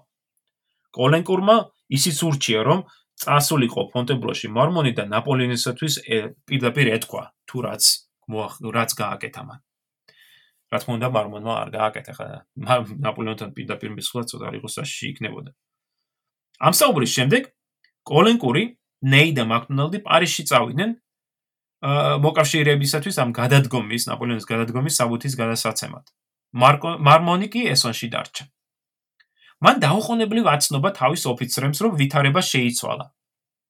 რომ ნაპოლეონი გადადგა, რომ მათ მიერ განხილული გეგმის განხორციელება აღარ იყო საჭირო. ასე რომ მომდევნო დღეს, 5 აპრილს, აი ეს დაგეგმილი მარში შევახსენებ მსმენელს, корпуსი ხომ უნდა დაძრულიყო ნორმანდიისკენ, რომ ეს დაგეგმილი მარში აღარ იყო საჭირო. შემდეგ მარმონმა ფორმალურად გადასცა კორპუსის უფროსობა გენერალ სუჰემს და თვითონ წავიდა პარიზში მოკავშირეებთან შესახვედრად. გზაზედ მარმონი შეხვდა შვარცენბერგს, რომელსაც აცნობდა, აცნობა, რომ კორპუსი აღარ წავიდოდა 5 აპრილს, რომ შეთანხმება დარღვეული აღარ იქნება ძალაში და არამედ კორპუსი დარჩებოდა ესონში. იმავე დღეს, 4 აპრილს საღამოს კოლენკური, ნეი, მაკდონალდი და მარმონი წარსდნენ იმპერატორ ალექსანდრეს წინაშე. კოლენკურმა გადასცა გადადგომის საბუთი. ალექსანდრმა გამოთქვა მზადყოფნა მიიღო ნაპოლეონი მიიღო ნაპოლეონის გადადგომა და აეღიერებინა ნაპოლეონის შვილი საფრანგეთის ტახტზე, მაგრამ იქვე დასძინა რუსეთის იმპერატორმა, რომ მას სურდა პრუსიის მეფესთან და ავსტრიელ წარმომადგენლებთან კონსულტაცია, სანამ საბოლოო პასუხს გასცემდა. ამიტომ ისინი შეთანხმდნენ, რომ დილით შეხვდებოდნენ კიდევ ერთხელ. აი ფრანგების გასვლა და ტალერანის შესვლა ალექსანდრეს ოთახში ერთი იყო. ბებერი მელა არწმუნებდა ალექსანდრეს, რომ ნაპოლეონის გადადგომა არაფერს არ ცვლის, რომ ნაპოლეონთან მოლაპარაკებას აზრი არ აქვს. იმავე ღამით ტალერანმა სცადა ნეის და მაკდონალდის გამობირება, მაგრამ ორთავემ უარი თქვა. 5 აპრილიც გათენდა. კოლენკური და მარშალი და მარშლები, ნეი და მაკდონალდი და მარმონი გამოცხადდნენ იმპერატორ ალექსანდრეს რეზიდენციაში, მაგრამ ალექსანდრემ უარი თქვა პასუხის გაცემაზე და დამატებით დრო მოითხოვა. დილის 10 საათი იყო. და სწორედ ამ დროს ალექსანდრემ მიიღო მოკლე შეტყობინება. მარმონის корпуსმა დატოვა ესონი და მოკავშირეთა ბანაკში გადავიდა. ამან გადამწყვეტი როლი ითამაშა. აქამდე მოკავშირეები ხომ შიშობდნენ, რომ დარჩენილი ჯარით ნაპოლეონი გაუწევდა მათ წინააღმდეგობას, გაურთულებდა საქმეს. მაგრამ მარმონის корпуსის დანებებამ ცხადყო რაოდან დასუსტებული და გაყოფილი იყო ნაპოლეონის ჯარი. და ამიტომ გამოაცოლა ნაპოლეონს აი ეს გადამწყვეტი არგუმენტი, აი ეს კოზირი, რომლითაც იგი ცდილობდა ტახტის შვილისათვის გადაცემას. მაგრამ მსმენელები მსმენელი ალბათ იკითხავს. კი, მაგრამ რა მოხდა? მარმონი ხომ პარიზში იყო ამ დროს და ბრძანება ჰქონდა გაცემული, რომ корпуსი დარჩენილიყო ესონში. როგორ მოხდა, რომ корпуსი დანებდა და მოკავშირეთა ბანაკში აღმოჩნდა? როდესაც მარმონმა დატოვა ესონი 4 აპრილს, მან корпуსის სათავეში, როგორც აღნიშნე, დატოვა გენერალი სუჰემი. სუჰემი თავის დროზე გენერალ მოროსთან მსახურობდა. როგორც გახსოვთ, ალბათ სვენელს მოროსა და ნაპოლეონს შორის დიდი დაპირისპირება იყო. სუჰემს ნაპოლეონის სუჰემი ნაპოლეონის მომხრე არასოდეს ყოფილა. იგი ერთ-ერთი პირველი იყო, ვინც დაუჭირა მხარი მარმონის გეგმას დაზავებოდა მოკავშირეებს და წაიყვანა այդ корпуსი ნორმანდიაში. მაგრამ იმ 4 აპრილს საღამოს, როდესაც მარმონი წავიდა და სუჰემი დარჩა корпуსის უფროსად, აი სუჰემმა მოულოდნელა წერილი მიიღო. ბერტი ეიბარებდა ფონტენბლოში შეხვედრაზე. უფრო მეტიც, მალე ნაპოლეონის ადიუტანტი გურგო მივიდა ესონში და სუჰემს ფონტებლოში წასვლის ზეპირი ბრძანებაც გადასცა. სუჰემი ანერვიულდა. რა ხდება? რატომ იბარებენ ესეო? იმპერატორმა ასიანი გაიგო მოკავშირეებთან შეთანხმების შესახებო. და ალბათ ფონტებლოში მიბარებს რომ დამაპატიმროს, ალბა შეიძლება დამხვიტოსო. არა და სინამდვილეში ნაპოლეონის სამხედრო საბჭოს იწევდა, რათა განეხილა მოქმედების ახალი გეგმა, თუ მოკავშირეები უარყოფდნენ მის გადადგომის წერილს. მაგრამ სუჰემმა ხო არ იცოდა ეს. პანიკას მიეცა სუჰემი. და იმეოვა ღამეთ მიიღო საბედისწირო გადაწყვეტილება. მან შეკრიგა, შეკრიბა корпуსის ოფიცრები და უბრძანა корпуსის წასასვლელად მომზადება. მარმონმა ეს არაფერი არ იცის. ჯარისკაცებს უთხრეს, რომ ახალი საბრძოლო პოზიციებზე გადავდივართო. მაშინ, როდესაც სინამდვილეში ისინი მოკავშირეთა ბანაკში მიყავდათ. 5 აპრილის 4 საათი იყო დილით, როდესაც корпуსმა დატოვა ესონი. რომ გათენდა, მზე რომ ამოვიდა, ფრანგმა ჯარისკაცმა აღმოაჩინეს, რომ მოკავშირეთა ბანაკში იყვნენ გარშემორტყული მტრული ძალით. დაიწყო ყვირილი, გაწევ-გამოწევა, მაგრამ უკვე გვიანი იყო. სუჰემი და უფროსი ოფიცრების უმეტესობა შვარცენბერგს ეახნენ და ფორმალურად დანებდნენ. გაოგნებული ფრანგი ჯარისკაცები, მოკავშირეთა ჯარებით გარშემორტყმულები გადაიყვანეს ვერსალში. სადაც მათ გასაკვირველად ისინი განთავისუფლეს. უთხრეს რომ ვერსალიდან არ დახვიდეთო, მაგრამ ვერსალში იგი თავისუფლები ხართ. ჯარისკაცების უმეტესობამ გამოთქვა სურვილი გაქცეულიყო ვერსალიდან ფონტონბლოში, რათა ნაპოლეონთან დაბრუნებული იყვნენ და განეგრძოთ ბრძოლა. მათ შორის იყო პოლკოვნიკი ფავიე, რომელმაც სუჰემთან სიტყვიერის დაპირისპირების შემდეგ შემოახტა ცხენს და მარმონის მოსაძებნად გავარდა პარიზში. ორი საათი ეძება მარშალი და ბოლოს მიაგნო მარშალ ნეითან სახლში. მარმონი გაგიჟებული უსმენდა თავის корпуსის ჩაბარების ამბავს. მაკდონალდის სიტყვით, მან სახისფერი დაკარგა. და თავბრუ ახვეულივი დადიოდა. ღირსება დავკარგე. ღირსება დავკარგე. შეხვირავდა მარმონი. ეს რა შეცდომა დაუშვი? როგორ ვიცხოვრო ახლა მე? სუჰემმა ჩემი ბრძანება არ შეასრულა. მან უღალატა სამშობლოს. ყველაფერი დავკარგეთ. ეს რა შერცხვენა მოქსვლია. წამიერი დუმილის შემდეგ მარმონმა განაგრძო. რომ შემეძლოს ამის გამოსწორება, აი ჩემს მარჯვენა ხელს მოვიჭრიდიო. რაზედაც ნეიმა ყვახეთ მიუგო. თავი. თავი უნდა მოიჭრა, მოიჭრა შენ და მაინც არ იქნება საკმარისიო. შუა დღეს მარმონი წავიდა ვერსალში. შეხვდა და გაისაუბრა ჯარისკაცებს. შეძლო მათი უმეტესობის შეკრება. მას სურდა ამ ჯარისკაცების ესონში დაბრუნება, მაგრამ მალევე მიხვდა რომ მოკავშირეები ამას აღარ დაუშვებდნენ. თელი საღამო და ღამე ცდილობდა მორმონი ეწარმოა მოლაპარაკებები, მაგრამ საბოლოოდ მიხვდა რომ ვეღარაფერს შეძლებდა. ამიტომ მომდევნო დღეს 6 აპრილის დილით მიხვდა რა რომ ყველაფერი უკვე წაგებულია არმონმა გადაწყვიტა ხელი მოეწერა შეთანხმებაზე რომელიც მან შვარცენბერგთან შეათანხმა ჯერ კიდევ 4 აპრილს მაგრამ ამჯერად იმის ნაცვლად, რომ ნორმანდიაში წასულიყო კორპუსი, კორპუსი უკვე დანებებული იყო, ანუ ფაქტურად მარმონი აღიარებდა რეალობას. რატომ ქნა? რატომ მოაწერა? მარმონს რო დაუჯეროთ, ეს იმიტომ გააკეთა მან, რომ დაეცვა ჯარისკაცები და ის ოფიცრები, რომლებიც ახლა ვერსალში იყვნენ. ვინაიდან ისინი ფაქტიურად მტრის ხარეზე გადავიდნენ, შესაძლებელი იყო, რომ ისინი წარდგენ შემდგომში წარდგენილი იყვნენ სამხედრო ტრიბუნალის წინაშე. ვიდაიდან დროებითი ხელისუფლების თვალშიც ის, რაც მოხდა 5 აპრილს, იყო სახელმწიფო ღალატი. დროებით ხელისუფლებას ხომ ნორმანდიაში გადაყვანა უნდოდა ამ корпуსის და არა მოკავშირეებისადმი ჩაბარება. მაგრამ ამ ნაბიჯით 6 აპრილს ამ ხელმოწერით, რომ არაფერი თქვა და აი 4 3-4 აპრილს მოლაპარაკების წარმოებით, ფაქტობრივად მას მარმონმა საკუთარ თავზე აიღო მთელი პასუხისგებლობა. ესონში დატრიალებული მოვლენები საბედისწერო აღმოჩნდა ნაპოლეონისათვის, რომელიც იძულებული გახდა უპირობოდ გადამყარიყო ტახტიდან. იმპერატორმა პირველმა პირველად შეიტყო ესონის ამბები 5 აპრილის დილით. მაგრამ სრული სურათი, მათ შორის აი მოკავშირეთა მიერ მისი გადადგომის უარყოფა მან მხოლოდ იმ იმ იმ იმ ღამით მიიღო. როგორ შეეძლო ამის ჩადენა მარმონს? ადამიანს რომლისთვისაც ლუკმა პური არ დამნამდებიაო, გაყვიროდა ნაპოლეონი.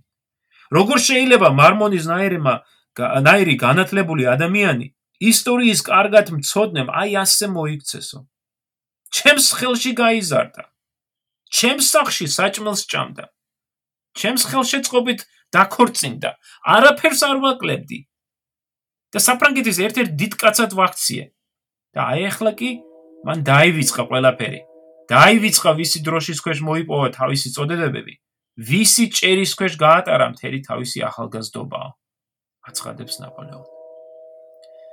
ნაპოლეონმა არასოდეს აპატია მარმონს. ესონის ამბები და ცხოვრების ბოლომდე დიდი ზიზღით იხსენებდა მას. მომავალი თაობებისათვის მარმონი იქნება სიძულვილის საგანიო, აცხადებდა იგი. სანამ საფრანგეთი იარსებებს, მარმონის სახელი ვერ იქნება ნახსენები ძრწოლის გარეშე. იგი კარგად ხვდება ამას და სადღეისოდ ალბათ დედამიწაზე ყველაზე უბედური ადამიანია. მას საკუთარი თავისთვის ვერ უპატიებია საქციელი და თავის ცხოვრებას იუდას მსგავსად დაასრულებს. იმპერატორის ეს განცხადება წინასწარმეტყველური აღმოჩნდა. ნაპოლეონის ხარდაჭერებისათვის მარმონი ცხოვრების ბოლომდე მოღალატე დარჩა. მიუხედავად იმისა, რომ მარმონი არ იყო ერთადერთი პასუხისმგებელი ესონის მოვლენებისათვის და რომ 5 აპრილის ღალატი ბევრ სხვა ადამიანის კისერზე იყო. ტალერონმა კარგად გამოიყენა მარმონის ხასიათი, რათა თავის საწადელისთვის მიიღწია. მაგრამ არც ტალერანს სურდა ფრანგული ჯარის корпуსის მტრისთვის ჩაბარება. აი ეგ, აი ეგ უკვე სწორედ სუჰემის და მისი ოფიცრების აბრალი იყო. ბოინის თავადის ქალთან საუბარში 1814 წლის აპრილში, ანუ ამ მოვლენებიდან სულ რამდენიმე დღეში და ერთი თვე წარ იყო გასული. მარმონმა საინტერესო ახსნა მისცა თავის აქციას. ეს ციტატა არის. როდესაც ნაპოლეონი ამბობდა, ყველაფერი საფრანგეთისთვის გავაკეთოთო, მე დიდი ენთუზიაზმით ვემსახურებოდი მას. როდესაც იგი იძახდა, ყველაფერი საფრანგეთის და ჩემთვისო, მე მონდომებით ვემსახურებოდი მას.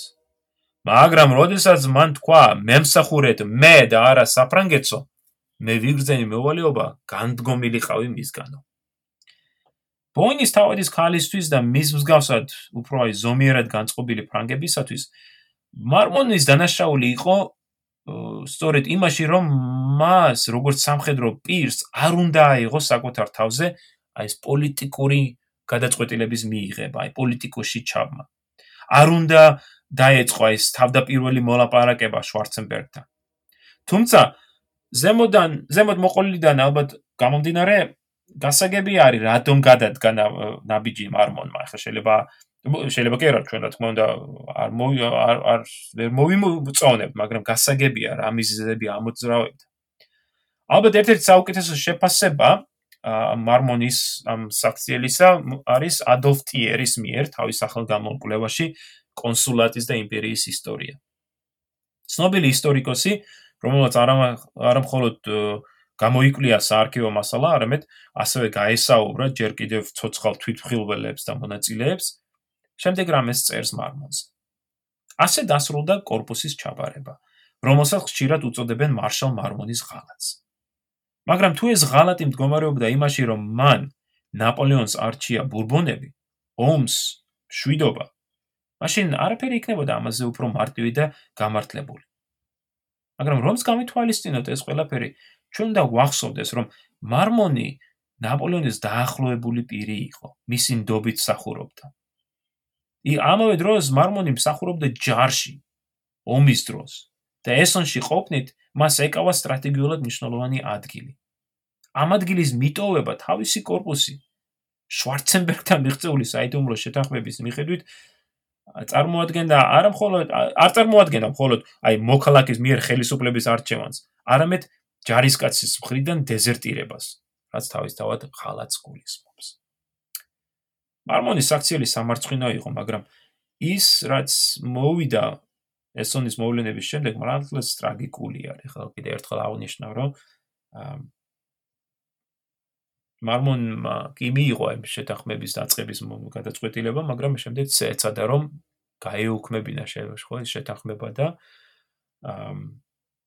სწორედ სუჰემის საქციელმა იმსხვერპა ის корпуსი. და ამიტომ არის რომ ამბობ რომ აი მარმონის მომდევნო ცხოვრება ცოტა არ იყოს ტრაგიკულია. სუჰემის და სხვა ოფიცრების როლი ამ ღალატში მალევე იქნა დაიწყებული. და მთელი პასუხისგებლობა დაიკისრა სწორედ ამ ერთ პეროვნებას, მარმონს, რომელიც ახალ რომელიც აი ახალ იუდად მოევლინა ფრანგულ საზოგადოებას. ბევრმა ნაცნობმა და მეგობარმა ზურგი შეაქცია მარმონს. სულ მცირე ხანში ცოლმაც მიატოვა. გავრცელდა არაერთი ჭორი მარმონის შესახებ. მათ შორის ყველაზე გავრცელებული იყო ის, რომ მარმონმა აი ფულის სანაცვლოდ, ხო, ეს იუდას მსგავსად, ფულის სანაცვლოდ გაყიდა корпуსი. ჯარი, რომელმაც რომელსაც აი მარმონმა 25 წელი შეალია, კიდევ უფრო მეტი უნდობლობით ეპყრობოდა მას, განსაკუთრებით მას შემდეგ, რაც 1815 წელს ნაპოლეონის ელბიდან დაბრუნების შემდეგ მარმონმა არ დაუჭირა მას მხარი, ან აი როგორ შეიძლება რომ მარმონი დაბრუნდებულიყო ხო ნაპოლეონთან? შეძლებდა კი ეს ეს შევ. აი მასდღიანი მართლობის დროს ნაპოლეონმა მარმონის სახელი ამოიღო მარშლების სიიდან. მაგრამ შემდეგ ნაპოლეონი დამარცხა ვატერლოსთან, მოხდა ბურბონების დინასტიის აღდგენა. მეფე ლუდოვიკო მე-18-მ მარმონს სამეფო გვარდიის გენერალ-მაიორობა უბოცა. თუმცა მარმონი მაინც დარჩა ეს გარიყო პიროვნებად. ძველი მეგობრებისათვის საძაგელი, ხოლო ახალ მეგობრებისათვის არასასურველი, როგორც ამას ერთი თვითმხილველი აღნიშნავს. მარმონმა ნელ-ნელა დაკარგა თელი თავისი ქონება.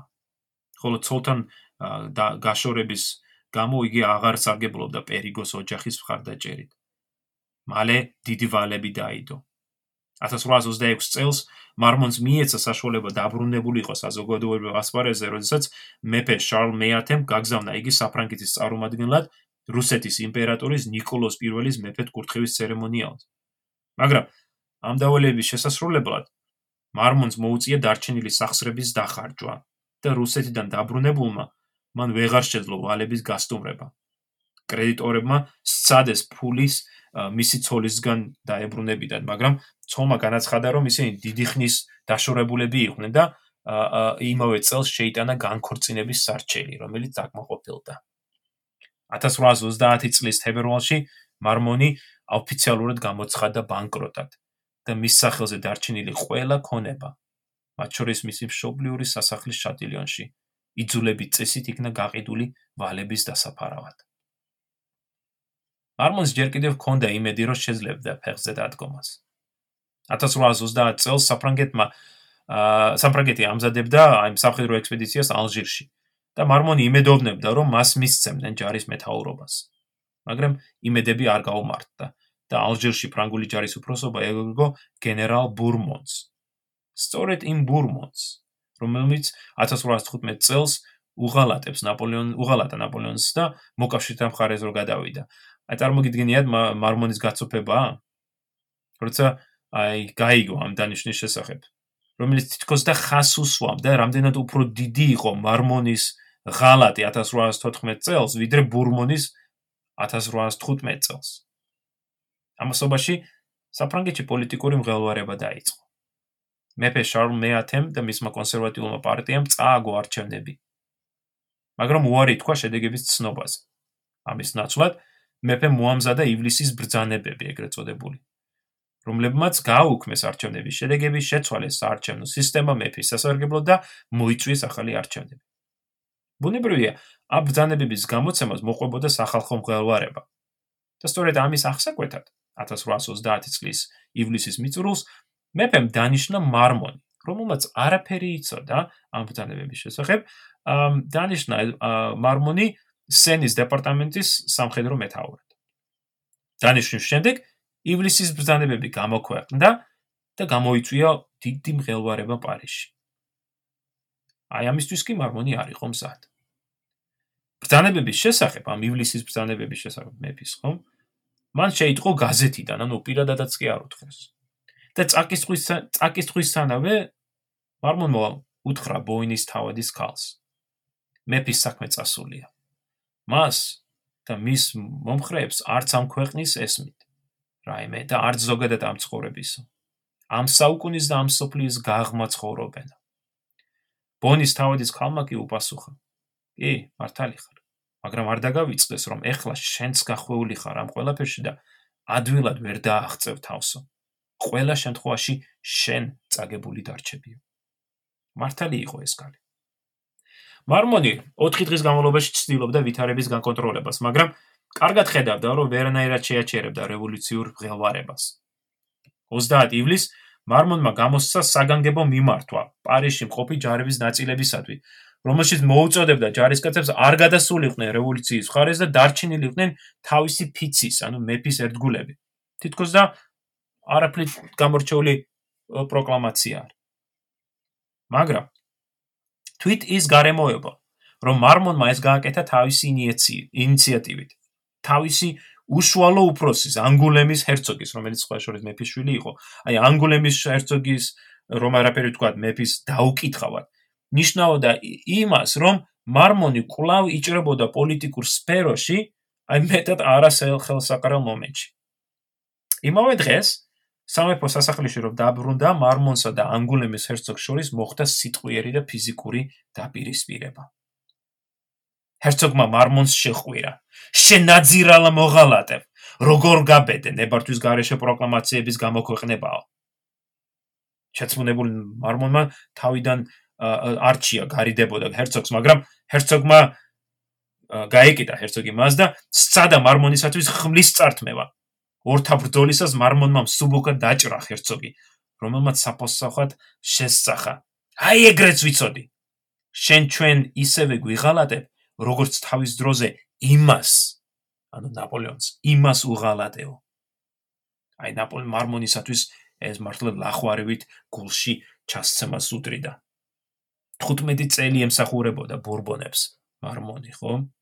და აი მამდენი წლის შემდეგ აშკარა გახდა, რომ ის მაინც რჩებოდა მაინც მაინც რჩებოდა მათთვის ესონის მოღალატედ. საფრანგეთში მას აღარ დაედგომებოდა. ამიტომ მარმონი ინგლისში წავიდა. შემდეგ მომდენო 22 წლის განმავლობაში მოგზაურობდა. ჰოლანდია, ავსტრია, რუსეთი, ოსმალეთი, ეგვიპტე, იტალია წერდა წიგნებს, აქვეყნებდა. ცდილობდა რამენაერად ეშონა ფული. საფრანგეთში დაბრუნება მან ვეღარ მოახერხა. სიცოცხლის უკანასკნელი წლები გაატარა ვენეციაში, სადაც დაწერა ძალიან საინტერესო მრავალტომიანი მემუარები და თავის ცხოვრებას ამართლებდა, ცდილობდა აეხსნა რა მოხდა. თანამემამულეებისგან მოძულებული და დაიწყებული მარშალი ოგუსტ მარმონი გარდაიცვალა ვენეციაში 1852 წლის 3 მარტს. იმავე წლის მაისში მისი ცხედარი ჩამოიტანეს იტალიიდან და დაასაფლავეს შობლიურ შატილიონ სურსენში. სულ 6 თვის თავზე საფრანგეთში გამოცხადდა მეორე იმპერია.